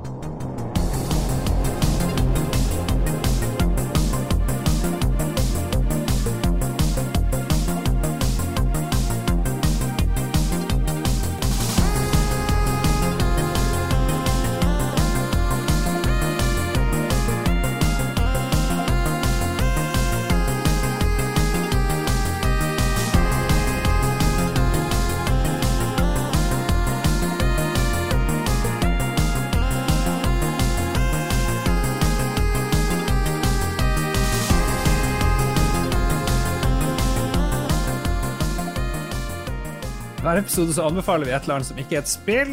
Jeg kan uh, ta en kjapp anbefaling på et show som er på Amazon eh, Prime. For de som har det, og som har lyst til å se noe sånn sketsjshow, så er det noe som heter The Moth Effect. Det er noe som heter The Butterfly Effect, så jeg tror det her er en litt mer sånn skjetten uh, utgave av det. De prøver Jeg fikk veldig Monty Python-vibes, spesielt da de hadde en sketsj om filosofer som var, gikk i street gangs og terroriserte et nabolag med sine ulike uh, syn på liv og eksistens. Lo litt sånn humrende til det, men de har òg en og I stedet for å gå og slå, slå, ned folk, så gjør de dem usikre på livet, om det er noen mening i livet og sånt. Så det er, det er litt artig. Og så er det en sketsj hvor det er en kar som driver og reiser i tid. Han er en actionhelt som reiser i tid. Han drar og dreper Hitler Um, og så drar han tilbake i tid og finner ei superhot dame og, og, har sex med henne, men så viser det seg at det er mora hans, så han blir da sin egen far. Og når han skjønner det, så bare får han store problemer med å leve. Og har egentlig lyst til å drepe seg sjøl, men så kommer noen andre og sier men hvis du dreper deg sjøl, så vil vi ikke ha drept Hitler, og da ville 70 millioner mennesker ikke ha blitt redda. Eh, mye sånne ting. Litt barnslig, litt dypt. Uh, Moth Effect syns jeg var, var, ganske grei underholdning. Jeg tror det er fra Australia eller New Zealand. En av de to tingene. Sikkert Australia. og så er vi tilbake på The Circle, Philip. For uh, for det er gøy. Ja, for det var når du begynte å snakke om uh, TV-serier, så kom jeg jo på det at herregud, vi må jo nevne The Circle, og si vær med på båten. Ja, det er herlig. For jeg er kjempeglad i trash reality. Det er noe av det beste jeg vet i hele verden. Gi det til meg. Og jeg snakker om det i Lolbua så ofte jeg kan, som er mye av grunnen til at jeg ikke får være med så ofte. Og The, The Circle har jeg snakka om sesong én og sesong to, og Brasil og Italia osv., men nå var det Lars som i forrige uke snakka om The Circle først. Uh, og nå er Lars skikkelig med på bølgen, er det ikke det, Lars? Nå som det ja. endelig er noen Spice Girls med i miksen? Helje. Jeg er veldig fan da Spice Girls kom. Det var det beste med hele sesongen. Eh, jeg har ikke kommet meg sånn kjempelangt ennå, men eh, jeg er sånn fire episoder inni, tror jeg, og det er jo kjempeartig. Så hvis du liker god gammeldags trash reality og ikke har sett den nye sesongen av The Circle ennå, så er det bare til å slenge seg på. Den har Spice Girls. Mye, som, hvor mye mer kan du, kan du ønske deg? Eh, den egen... før, før, vi går videre, jeg har uh, Siv noen hot takes på The Circle? Ja. Yeah. Jeg har ikke noen hot takes. Men eh, jeg la merke til Philip, at du forklarte egentlig ikke konkret hva det er for noe. Nei, greia, Jeg har som sagt prøvd å forklare det før, sånn opptil flere ganger. Og Lars nevnte det igjen her forrige uke, så jeg kan se for meg at lytterne har fått det med seg. Men det er jo denne bygningen de bor i åtte til ti leiligheter, og så spiller de en sosial profil hver. Og så kan jo gjemme seg hvem som helst bak denne sosiale profilen, f.eks. Scary Spice og Baby Spice. Et interessant uh, trekk er jo at hvis du er en catfish, så er folk Dvs. Si du spiller en annen person, og som oftest et annet kjønn enn ditt eget. Og da blir de andre med en gang litt sånn skeptisk. Er ikke det litt interessant? Jo, jo, jo. Jeg, jeg husker fordi jeg har ikke noen hot takes, men jeg digger The Circle. Jeg syns det er kjempegøy. Yeah. uh, jeg, og det var gøy du nevnte det, Lars, fordi det, det er jo sånn i en episode så var det, var det, en fyr som på en måte eh, spilte som kjæresten sin, og så ble han invitert i en sånn girl-chat, og så begynte de å snakke om mensen. Og så var han sånn um, min, Jeg får skikkelig sånn der vondt der når jeg har mensen, og alle jentene bare What the fuck? Det har jeg aldri hørt om. Ja, det er ikke det letteste. ja, altså, vi må jo avsløre, kan jo avsløre at I første episoden så er det en som ryker ut. En dum 20-åring som valgte å spille faren sin på 57 eller noe sånt, og, og har jo ingen idé om hva hun driver med i det hele tatt. Det er jo helt bra. Nei, det kommer hun ikke særlig langt med.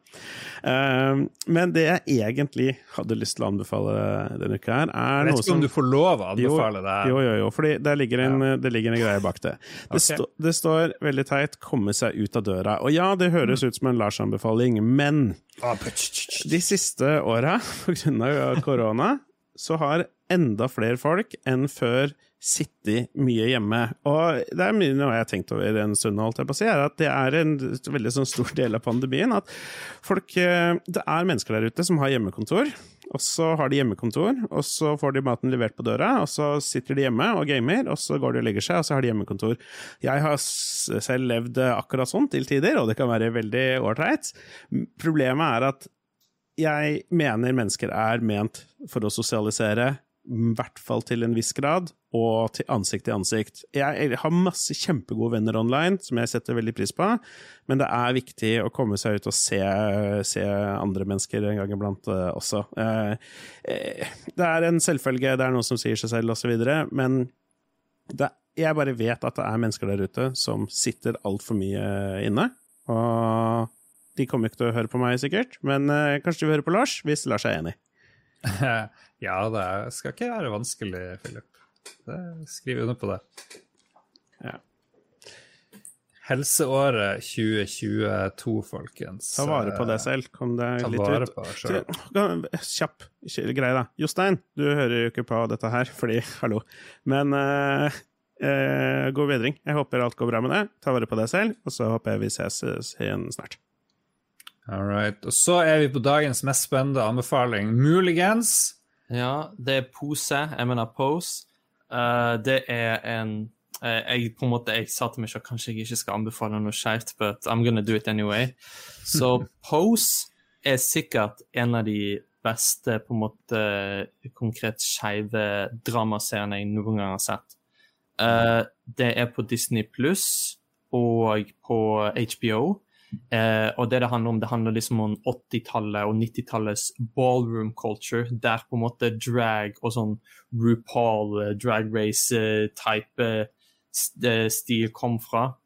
og det på en måte handler om, om det, men òg på en måte hvordan det er å være skeiv og trans, black og lati latinofolk på 80-tallet, da.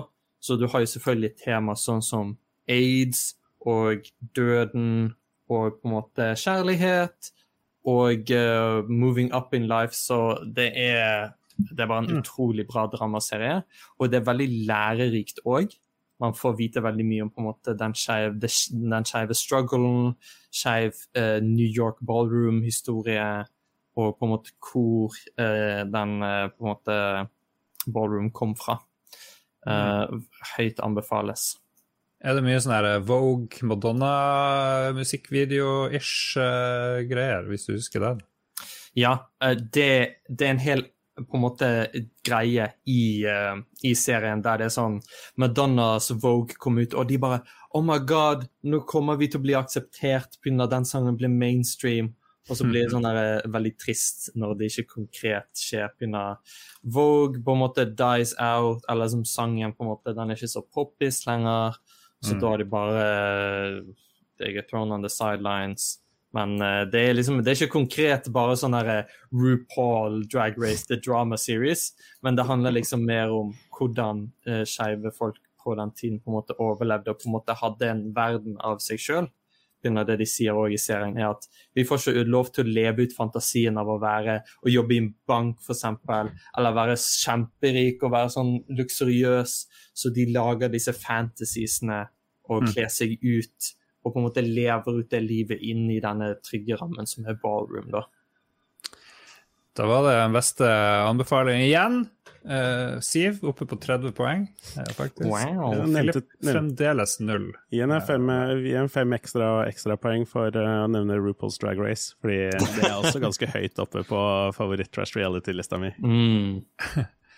Vi hopper over på lytterspalten like godt, hvor vi har fått uh, ja, et knippe som jeg føler gjenspeiler befolkninga kanskje muligens uh, greit når det gjelder uh, transpersoner, ikke-binære, andre typer identiteter. vi sa at her er det lov å spørre om alt, og satse på at det gikk bra. Det gikk faktisk ganske greit. Uh, og Vi begynner med Kristoffer Karlsen, uh, Philip. Du har kanskje òg den lista oppe. Selvfølgelig. Uh, vi ber hver uke om spørsmål i Lolbo Entourage som vanlig. Og Kristoffer Karlsen har lurer på om Siv har gjort seg noen tanker om hvorfor enkelte virker vettskremt av ideen om kjønnsnøytralt pronomen. Sjøl syns han det er veldig greit når man skriver en tekst hvor man ikke vet hvem som er mottaker, legger han til. Og det med pronomen, det er jo, der tror jeg noen er litt usikre. Eh, for eksempel, hvordan er det du vil bli Er du, er du på hen-kjøret, Siv, eller hva er det det går i? Uh, jeg liker mer personlig de og dem. Fordi mm. det, er liksom, det er på en måte fornorskningen av they, dem. Mm. Og uh, altså, jeg er veldig glad for hen. Kjære til hen. Men uh, jeg, er, jeg er bergensk, og vi har brukt ordet hen til å liksom Sånn, hvor er han hen? Ikke sant? Så det føles veldig rart for meg at hen er på en måte de kjønnsnøytrale pronomen. Men jeg er jo òg litt enig med han der Hva var det Kristoffer. Kristoffer. Veldig enig med Kristoffer at jeg, sånn, jeg skjønner ikke helt greia. Det er jo òg et vidunderlig verktøy hvis du ikke konkret vet personens kjønn. Sånn som hvis du skal skrive en, uh, know, en jobbsøknad, eller sånn derre Hei, vi, vi ansetter uh, Og så skal de på en måte skrive litt om hvem Dette her leter vi etter i deg og så, og så, på en måte kan de bruke kjønnsnøytralt pronomen om det. Ikke sant? Det er bare et verktøy, på en måte, og tilfeldigvis så er det individer som bruker det, på en måte. Altså, eh, jeg vet ikke, det, ofte, det, blir ofte snakket om sånn De prøver å slette ordet mann og kvinne. Og jeg er sånn herre What the hell? Det, det, er ikke sånn at Språkrådet har kommet på NRK og vært sånn eh, Sorry, folk, vi skal slette liksom mann og kvinne for ordboken. Nå må du bruke uh, sploinky i stedet. Liksom. Det er sånn, what the fuck, det er ikke det som er greien. Uh, må bare gi en kjapp shout-out til den Oslo-dialekten din. Den er utrolig fin. Likte det. Ja, fordi det er liksom Jeg tar på en sånn østlandsdialekt når jeg på en måte skal på en måte være en annen karakter, quote on quote. Uh, fun fact, levde på, på, Østlandet i Hamar i sånn syv år da jeg var kid, så jeg har litt sånn østlandsk i meg, men uh, Kondolerer. Eh, jeg mener at det er helt legitime ting eh, å, være, å tenke over når du kommer til transkultur, helt sikkert. Å bruke kjønnsnøytrale pronomen er ikke en av de. Det er en sånn ting man bare Å, jeg har ikke lyst. Yeah, yeah. Det er så vanskelig. Åh, åh. Mm. Nei. Legg det bak oss. Ja. Eh, Magnus Eide Sandstad, han spør Kan man bruke heks heksidesimal slash 16-tallssystemet istedenfor binær. Og kanskje litt mer seriøst, hvorfor er det viktig i sammenheng med at man er spillutvikler om man er ikke-binær eller ei? Og vi har jo kanskje ikke ment at det er en direkte korrelasjon her, mer at det er begge to er, er verdt å snakke om i denne sammenhengen. Jeg tror han påpeker at jeg dro det frem i spørsmålet uh, hvor jeg skriver denne uken er den ikke-binære spillutvikleren Siv Nathaniel Hjortland gjest. Så det er nok meg han reagerer på der. Ja. ja. Ja, Magnus er en god lykker. lytter, men han griper enhver anledning til å gjøre narr av Lars, som seg hører bør. Ja, bare kjør på, kjør på. Som Jesus tar jeg skyld for at du skal bli frelst, eh, Magnus. Amen. Amen. Og så begynner vi å gå litt sånn uh, dypt ned i grøten, jeg føler. Morten Haugesveen tar opp noe som har vært en sånn populær greie å diskutere når det gjelder uh, transfolk spesielt. Sport hvordan bør man anerkjenne og, og inkludere eh, det temaet i idrett? Hvordan skal man gjøre det rettferdig?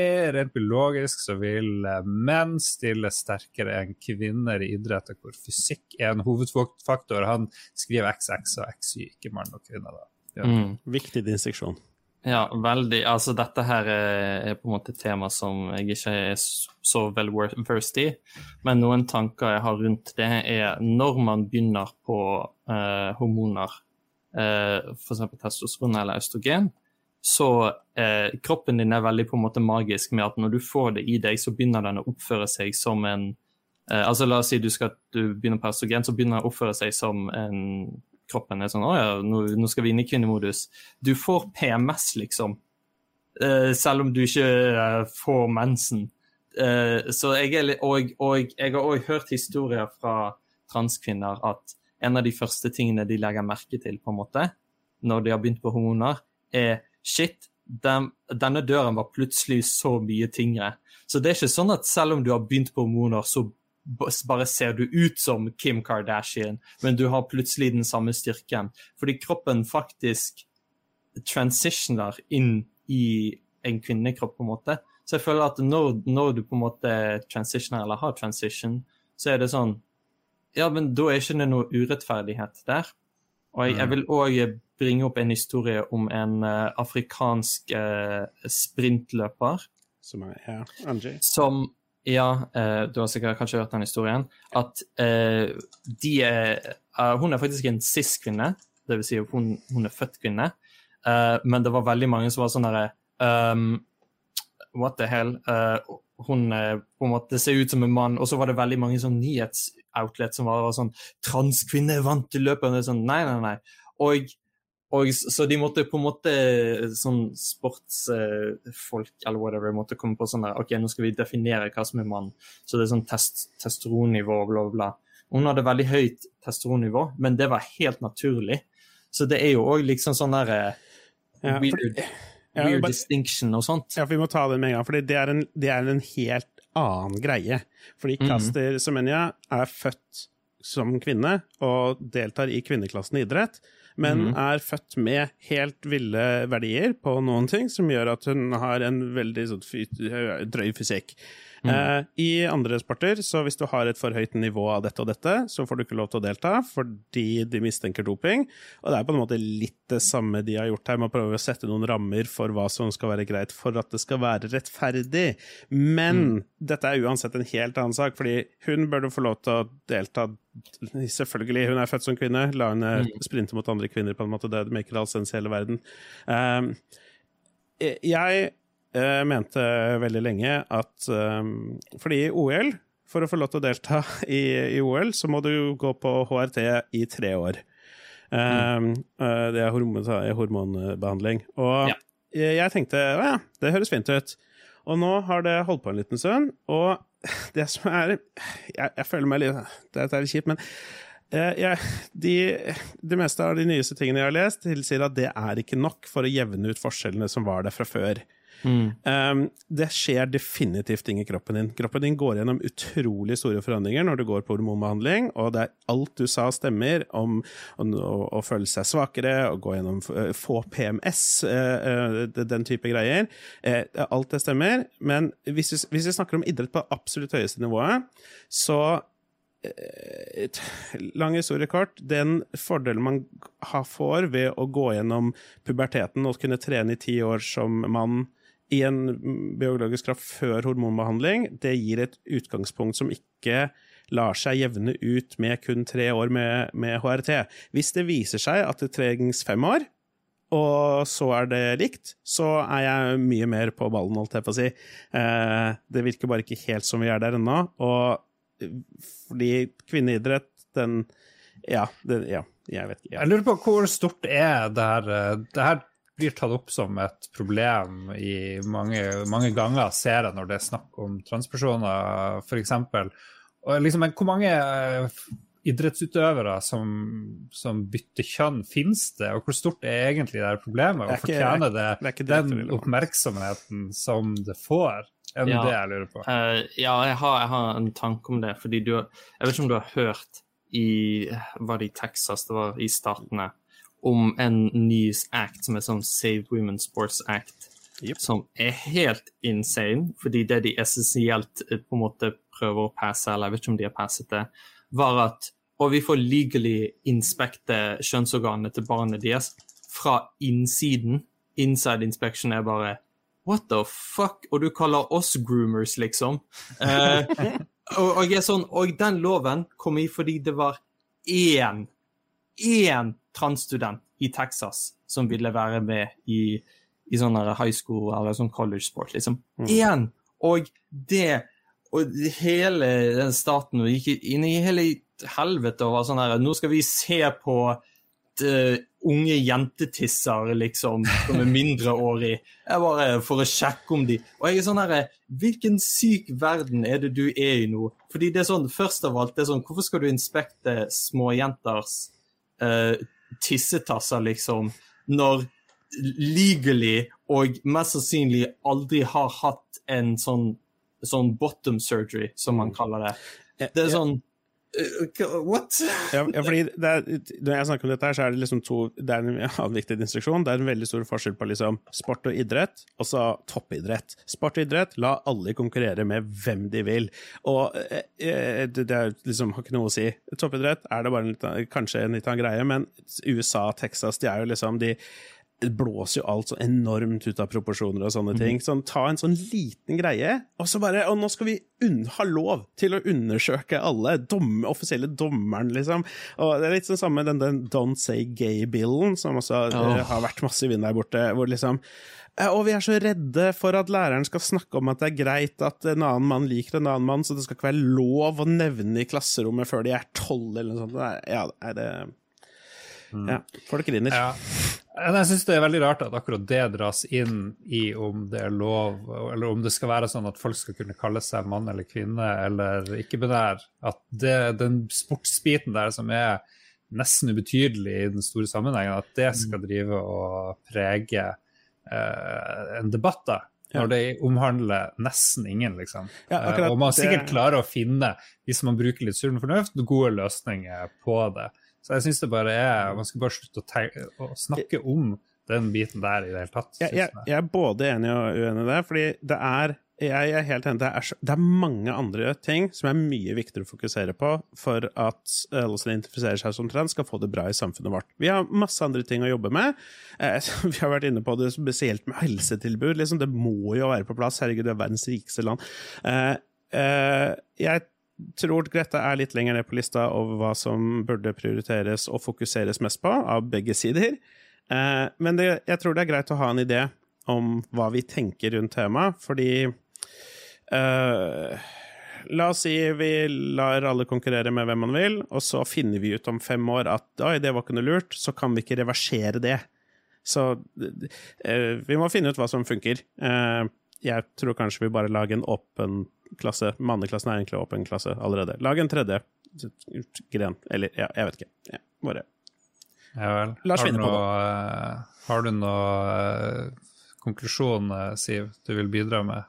Eller skal vi gå videre? uh, altså Godt spørsmål. Jeg føler jeg ikke er på en måte well versed i dette, dette topicet, eller egentlig å si noe helt konkret og ha en konkret mening om det. Jeg er litt sånn oppe i luften personlig sjøl, men jeg er, jeg er, mest for at som, la, la, transfolk på en måte være med i sport. Det, det spørsmålet, ikke sant? Ja. Det er et stort inngrep å utelukke en gruppe så, ja, så jeg, jeg, akkurat nå er jeg litt sånn shrug. Om, om hele greien. Liksom, la, meg, la, meg, la, meg, la, noen andre som på en måte er involvert i det, ta den kampen. på en måte. Men det eneste som på en måte får konkludere, som er helt wild, er hele den der eh, Save Women's Sports Act i, i staten. Mm. Det som er sånn litt sånn what the fuck. Ja. Jeg, jeg syns det er ganske bra holdning at jeg tar ikke det du gidder å bruke mest tid på. alt på Det er andre ting som er mer, mm. mer viktig for deg.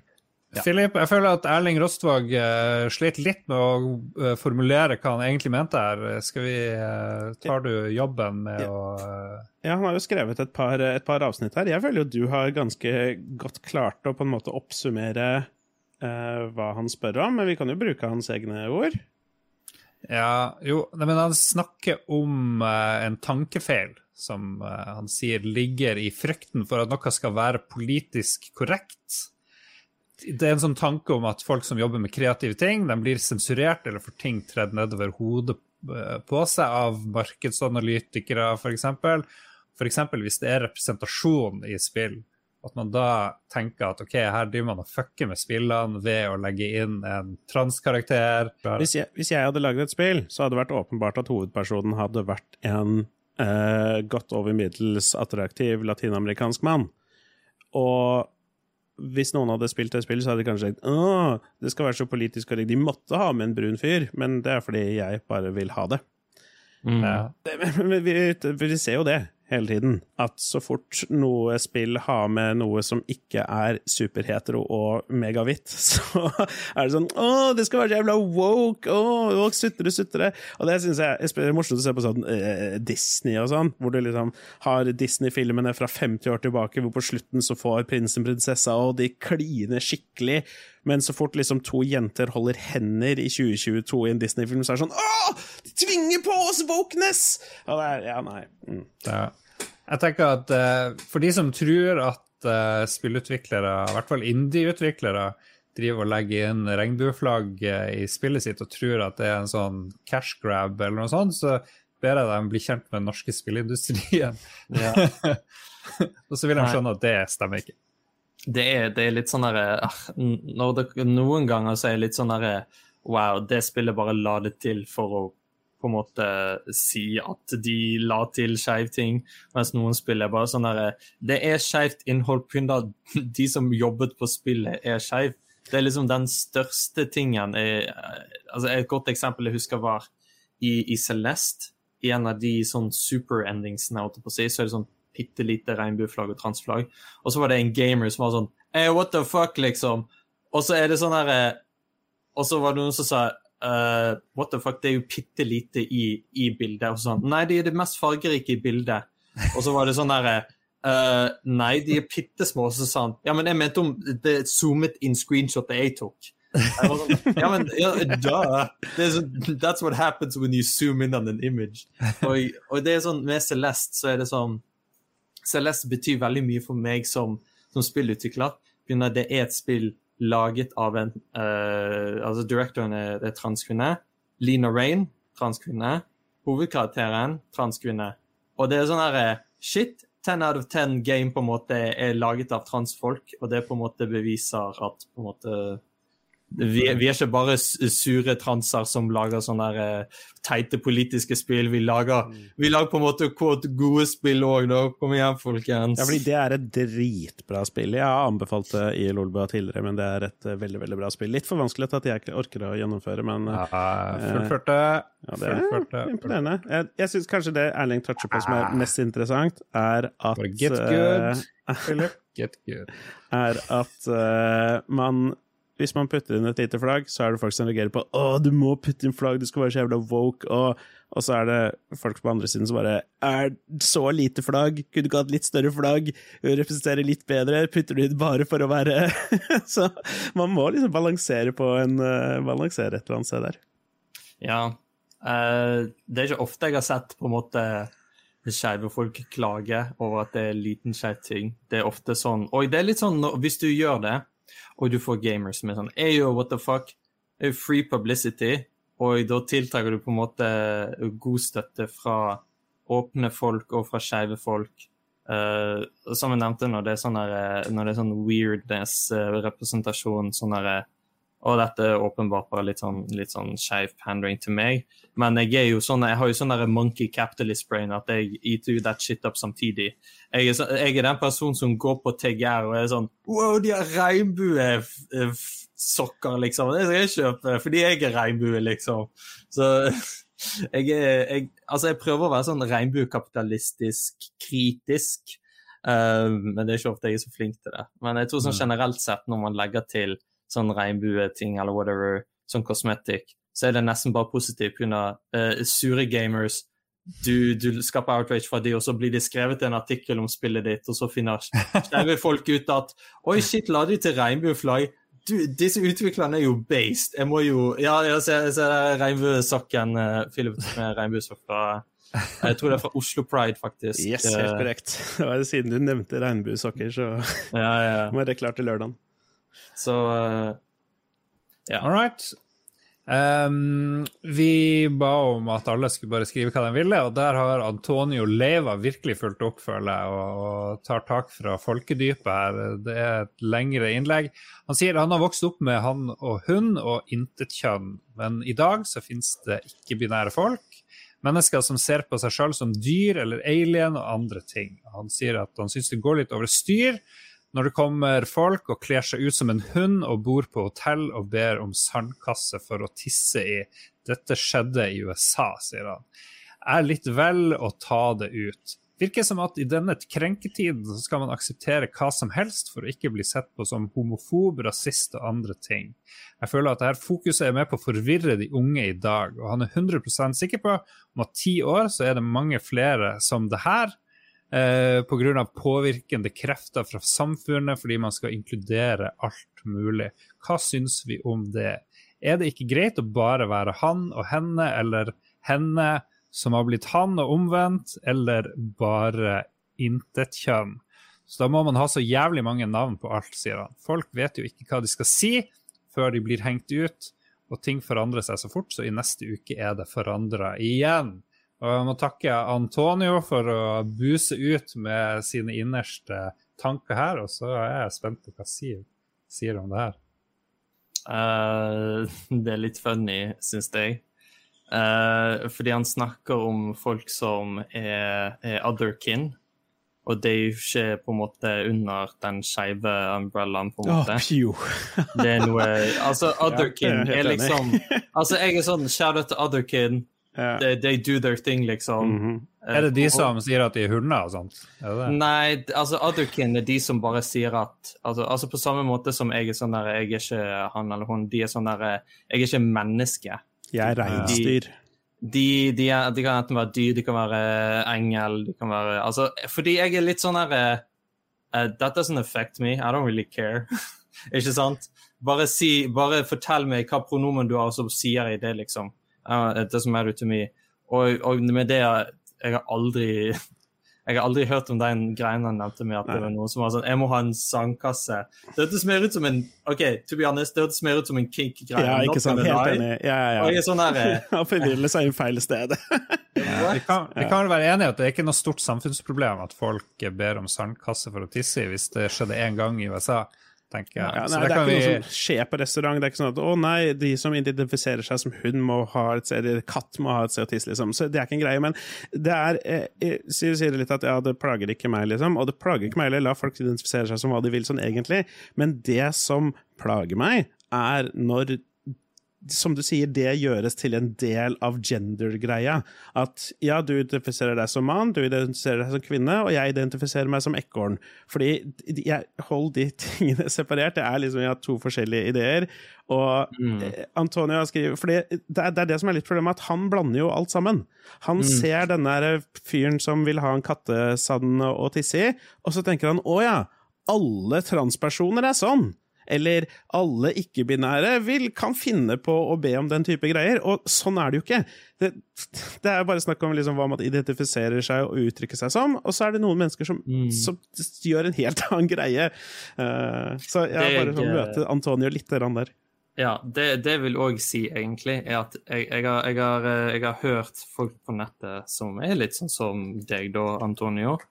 Med at, for, fordi man er veldig redd for å si noe feil, og så fordi man har noen ganger sett compilations eller hørt historier om at og du, du sa feil pronomen, nå kommer de til å skrike på deg i offentligheten og prøve å cancele deg, og masse sånn pisspreik.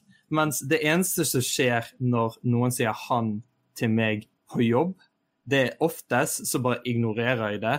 Eller så sier jeg forresten, jeg bruker, jeg bruker kjønnsnøytrale pronomen hvis du ikke fikk det med deg.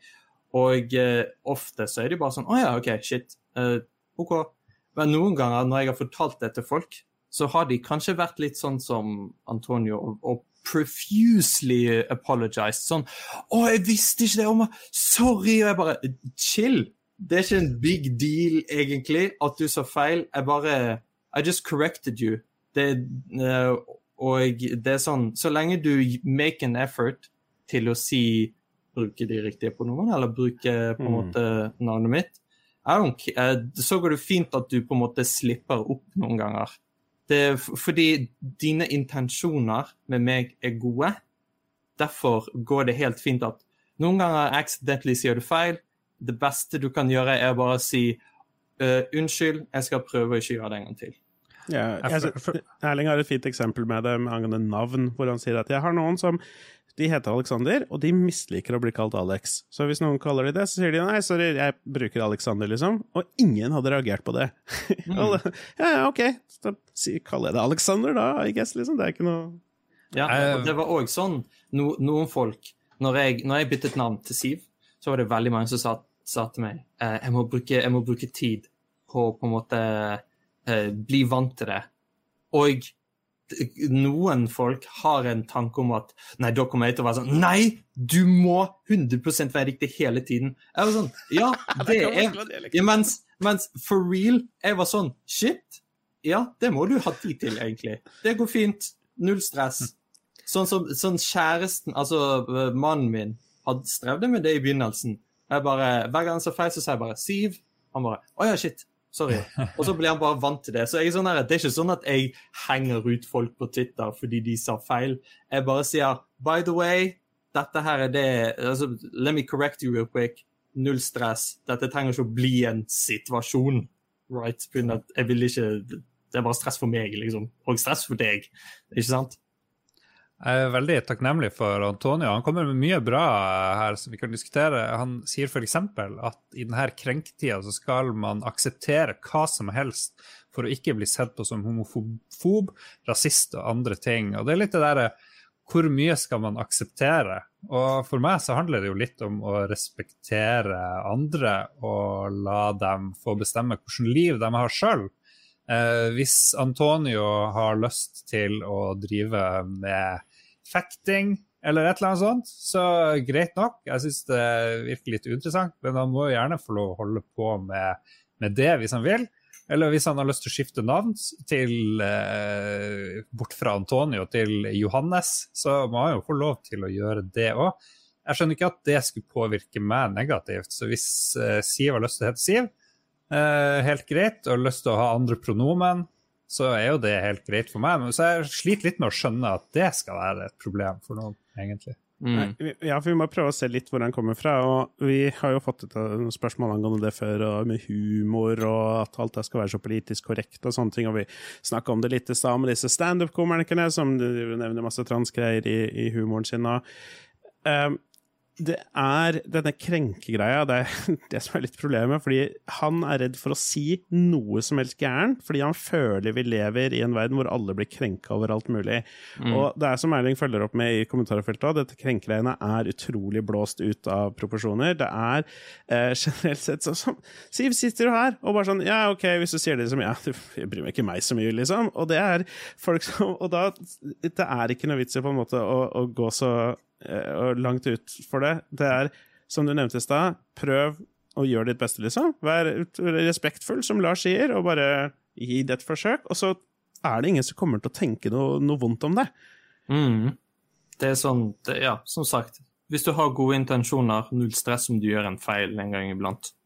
Ja. Og så er det noe som mange tar opp. Uh, Antonio føler at eh, alt fokuset eh, er med på å forvirre de unge i dag. Og da man drev og kom, da det kom rappmusikk, så ville man beskytte barna for det. Da det kom uh, tegneserier, så mente man det her var altfor uh, heftig for barna. Til og med det var for ille. Da det kom uh, TV, så var man redd for at barna skulle bli parabolbarn og forsvinne helt i det. Så jeg tenker at det er litt sånn frykt for det nye òg, kanskje. Ja, jeg vil fortelle en liten hyggelig historie fra min nevø. Min søster har to vidunderlige barn. Uh, og uh, det var ikke vanskelig for de å forstå at for, OK, du vet, uh, du vet onkel og tante. Det fins ikke et kjønnsnøytralt ord for det. Så for de heter det bare Bobba. Det er liksom kallenavnet deres for meg. Og jeg, jeg husker søsteren min fortalte meg om at, at, at han, han, nevøen min hadde bare sagt Å, Siv eh, på en måte er ikke mann eller eh, dame. Epic. Altså, Jeg husker ikke nøyaktig hva quoten var, men det var basically at han bare lett forsto det. Og denne, denne kiden går i barnehagen, liksom.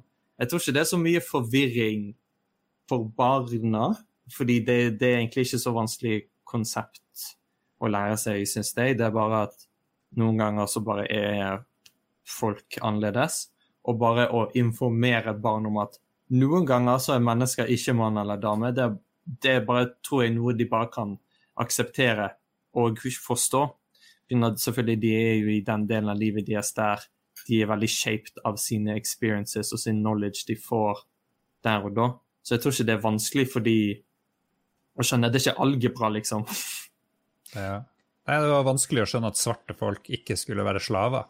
Eh, i en lang stund. Man kan jo fort Det er ikke helt det samme, da. Okay, ja, men, jeg spiller litt djevelens advokat, da. Jeg kan jo forstå at et, noen som identifiserer seg som enten så har du en liten tisselass, eller så har du en liten strek der nede, og så er det noen som sier til deg at du har ingen av delene. For jeg husker, når jeg hørte om sex for første gang, så sa noen at det var der, da tar du tiss og tiss inntil hverandre. Og da så jeg for meg to peniser som gjorde sånn. De gjør dokking, liksom. Ja, som dokka. Fordi det er to tisser inntil hverandre. Fordi jeg var en liten unge, ikke sant? Det var det jeg tenkte. Eh, fordi, ja jeg, jeg, jeg, jeg, tror ikke det er et stort problem å, å, å, presentere barn for disse konseptene, men jeg kan forstå hvordan noen som er foreldre og vokste opp i en annen generasjon som overhodet ikke måtte forholde seg til dette, fordi ting som er fremmed, er litt skummelt og jeg kan forstå det. Ja. Eh, så jeg kan forstå at de kan ha problemer med hvordan et barn skal kunne overhodet liksom relatere seg til det, fordi det er ikke noe de kunne klart som seksåring sjøl. Eh, ja. Så jeg, ser hvor det kommer fra, eh, men at det er noe å være nervøs for, det er jo Ja. ja. Det, jeg kan òg si uh, til Antonio her at uh, for litt siden på Twitter så skrev jeg en tråd om min opplevelse av å gå på en kristen privatskole. Fordi det er veldig mye sånn kronikker rundt omkring der konservative kristne sier vi burde ikke lære barna dette på en måte de blir forvirret, det er feil. Um, jeg gikk på en konservativ kristen skole, og det var bare negativt for meg fordi jeg visste at jeg likte gutter så tidlig som barneskolen, liksom. Og jeg husker at uh, vi, vi, skulle ha samfunnsfag, og jeg bladde gjennom samfunnsfagboken. Og så ser jeg en seksjon som handler om homofili. Og jeg bare, hva betyr det? Og, det, og så leser jeg bitte litt sånn. sånn det, det, er liksom når gutter liker gutter. Oi, shit, det er jo meg. Og så jeg sitter der hver samfunnsfaglig time, og så går vi lenger og lenger i boken for hver time. Og så gleder jeg meg så sjukt til vi skal komme til den delen av um, den delen av samfunnsfagboken. Sånn, endelig får jeg svar på det jeg lurer på. Så kan jeg sikkert spørre læreren om det uten å på en måte oute meg sjøl som homo, bare for å få informasjon. Og så straight up bare hopper vi over det kapitlet. Og jeg tør, tør jo selvfølgelig ikke å være sånn der Hvorfor hoppet vi over den? Jeg husker òg søsteren min fortalte meg, hun gikk på den samme skolen, at de samfunnsbøker hadde literally de sidene bare revet ut av mm. boken. Så jeg vil bare si liksom at selv om det er sånn Å nei, barnet blir forvirret, så er det sånn Hvis jeg hadde hatt det som barn, da hadde jeg skjønt meg sjøl så mye tidligere enn uh, uh, enn nå, på en måte. Jeg til, tror bare positivt, liksom. Til de som er redde for at det med barnegreiene, jeg tror Ok, de må se for seg det at man er født på en øde øy, man har aldri hatt noen interaksjon med noen andre, men det er et speil der. Og når man ser seg selv i speilet, og man, hvis man er trans, så, er man, så identifiserer man seg ikke med det man visuelt ser, uavhengig av det sosiale på en måte presset. Så det er ingen som, er ingen som manipulerer barna dine til å bli trans. Det er ingen som manipulerer barna dine til å bli lesbiske Nei. eller homofile. Det, det, det, eneste man gjør ved å på en måte withholde informasjon til deg, at man, man, på en måte delayer the inevitable. Går forvirra lenger. Og, ja, og, og, noen ganger så er det sånn Noen ganger så føler man at man lærte det for seint, man har allerede gått gjennom puberteten. Hvis man på en måte finner ut å akseptere seg selv som trans tidlig nok, så kan du gå på noe som heter pubertetsblokkere, mm. som, som, blokker puberteten. Og sånn at du seinere i livet kan begynne på hormonbehandling. Og da blir din pubertet eh, en, på en måte f.eks. en kvinnelig pubertet. da. Sånn som når jeg gikk på helsestasjonen, så sa de at når du skal begynne på hormoner nå, fordi det skal jeg gjøre, så sa de nå kommer du til å ha pubertet 2, the sequel, mm. liksom. Jeg bare, shit, Det hadde egentlig bare vært digg om jeg bare tenkte å gjøre det én gang. på en måte. Ja, ja fordi det var liksom litt oppfølgingsspørsmålet mitt nå, som vi er litt inne på det, dette med barn, og hvor tidlig skal man eventuelt liksom tilrettelegge for behandling fra staten og sånne ting. Og ja, nei, jeg virker som vi er ganske enige der, altså, holdt jeg på å si, fordi pubertetsblokkere er ikke farlig. Det, det, er en sånn ting som folk går rundt og tror at er sånn 'Å, skal vi gi transbehandling til barn?' Det er ingenting som skjer med dem. De bare utsetter å ha puberteten litt til de finner mm. ut nøyaktig hva de er gira på å gjøre, og sånn at de, ja, som du sier, slipper å gå gjennom det to ganger, fordi Ok, puberteten min var ganske chill, da, men for andre vanlige mennesker så er det sikkert ikke bare en dans på roser. Så ja. ja. All right. Og jeg vil bare kjapp kommentar ja. på det òg, fordi jeg, jeg hører òg folk som er sånn derre Og barna burde jo ikke de burde jo bestemme senere når de er 18, når de er hva slags kjønn de er. Og det er sånn Å ja, så du vil at alle barn skal gå på pubertetsblokkere til de er 18? Question mark. Det er liksom noe jeg tenker kan man catche på noen. Mm. Shrug. Right. Vi har holdt på lenge nok. Vi har bare et par kort spørsmål igjen. Først et innspill fra Kristoffer Geroboys Hansen. Han følger bl.a. Johnny Chiodini på YouTube, og hen sier at man skal bruke pronomenene they, them, og han blir forvirra, fordi for han så er det pronomen ment for flertall, er det noe han har missa der. Og da lenker jeg bare til norske eh, Wikipedia-artikler om they som entall, så det går fint an eh, å bruke. Så les mer eh, der. Og mm. helt til slutt, Aksel M. Bjerke, uh, hva tenker Siv Nathaniel om boikott av Harry Potter-spill, og eventuelt alle Harry Potter-produkter? Yay or nay? Uh, jeg kan si at jeg personlig boikotter det. Men jeg vil òg si at det er ikke vanskelig for meg å boikotte det, for jeg har ikke vokst opp med Harry Potter, så jeg er litt sånn indifferent til det.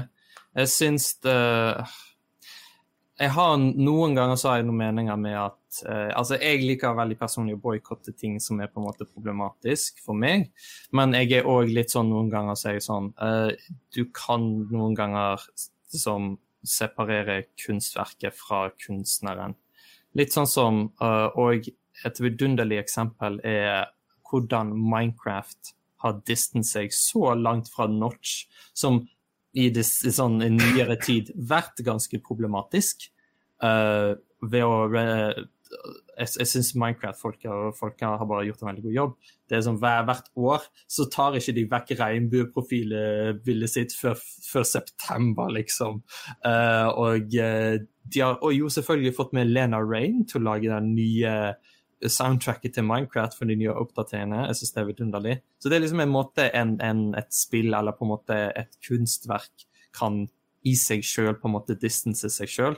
Men jeg er litt sånn der eh, Jeg kommer til å være litt sånn der eh, Altså, så lenge du er aware at på en måte JK Rowling er problematisk, uh, så jeg er litt sånn her OK, whatever. Jeg syns det er litt teit at du spiller det, men jeg kommer ikke til å på en måte slutte å være venn med deg. Jeg er litt sånn her whatever. Så jeg er liksom boikotter det personlig sjøl, men det er ikke vanskelig for meg å boikotte det. Og jeg er litt sånn her uh, Litt flaut at du spiller det, but det, er ikke en sånn big deal for meg. Det er ikke en deal-breaker. Kjempekjapt relatert, da. Uh, J.K. Rowling blir beskyldt for å være en turf. Og jeg dro opp det begrepet i går, og Lars visste ikke hva det er. Så da tar vi at det er en transekskluderende radikal feminist. Ja. Basically feminister som er sånn transkvinner, er ikke kvinner. Mm. All right. Uh, vi skal takke folk som lytter. Vi skal takke de som støtter oss på Patrion. Uh, så lurer jeg på, Har du noe du har lyst til å promotere av noe vis, uh, Siv? Du har noe TikTok og noe greier? jeg er ikke så aktiv på TikTok, men du kan følge meg på Twitter at spillutvikler. Uh, det heter jeg så å si overalt. Dere kan nå følge at Skeive spill. Det er den lille ordningen jeg har med skeive spillutviklere. Og vi skal òg gå i parade i år. Det blir veldig gøy. Så hvis dere vil òg se oss, uh, så skal NRK dekke hele paraden, og de, da dukker vi opp der. Så ja, ja. Very cool. Vi bruker å nevne alle våre uh, produsent-patrions med navn. Jeg foreslår vrien. Vi bruker å ta en vri. I dag så gir vi dem en annen identitet. Uh, og enten de vil det eller ikke. Anne Beth er Batman, liksom? Eller? Nei, Anne Beth blir eh, Arne Beth, selvfølgelig. Jeg vet ikke om det her er greit. Men uh... Uh, altså, selv uh, You know what, I don't think we should. Jeg tror det er kanskje litt oh, Takk, takk, og... tusen takk. For vanligvis må jeg sitte og lide meg gjennom sånne ting og bare For jeg tør ikke si nei til Lars. I pulled the trans card. Han pulla the trans card. Vi følger autoriteten vår. Tusen takk, Anne Beth, Duke Jarlsberg, Gøran Helge Nilsen, Kenneth Kobrakar84, Lem, Rebekka Mø. TTMXMP, som jo er et veldig ikke-binært navn, vil jeg påstå. Frode og alltid Magnus. Tusen, tusen hjertelig takk for uh, solid støtte. Hør oss ja, hør også Spillrevyen, hør uh, Ragequit. Ragequit. Liks univers med Liks Spill. Hør spill. Og, og så videre. Eh, til denne episoden kommer ut på en onsdag, så hvis dere har lyst til å møte både meg og Siv, kanskje potensielt, så stikk innom Pride-paraden i Oslo til helga. Det er så det går fra Grønland klokka ett til halv fire. Kom inn og se på, i hvert fall. Det blir kjempeshow. Mm.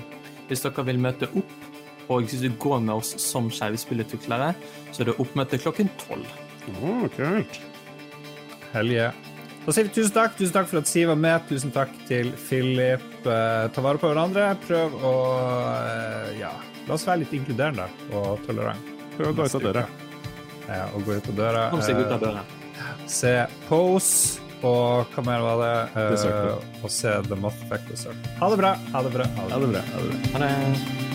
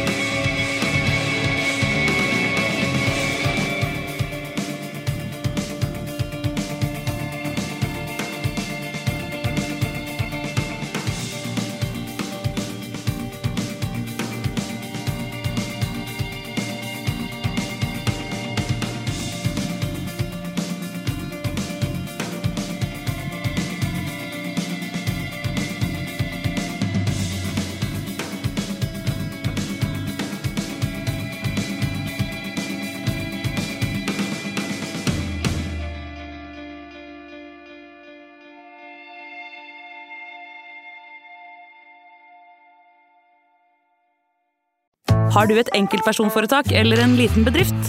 Da er du sikkert lei av å høre meg snakke om hvor enkelt det er med kvitteringer og bilag i fiken, så vi eh, gir oss her, vi. Fordi vi liker enkelt. Fiken superenkelt regnskap.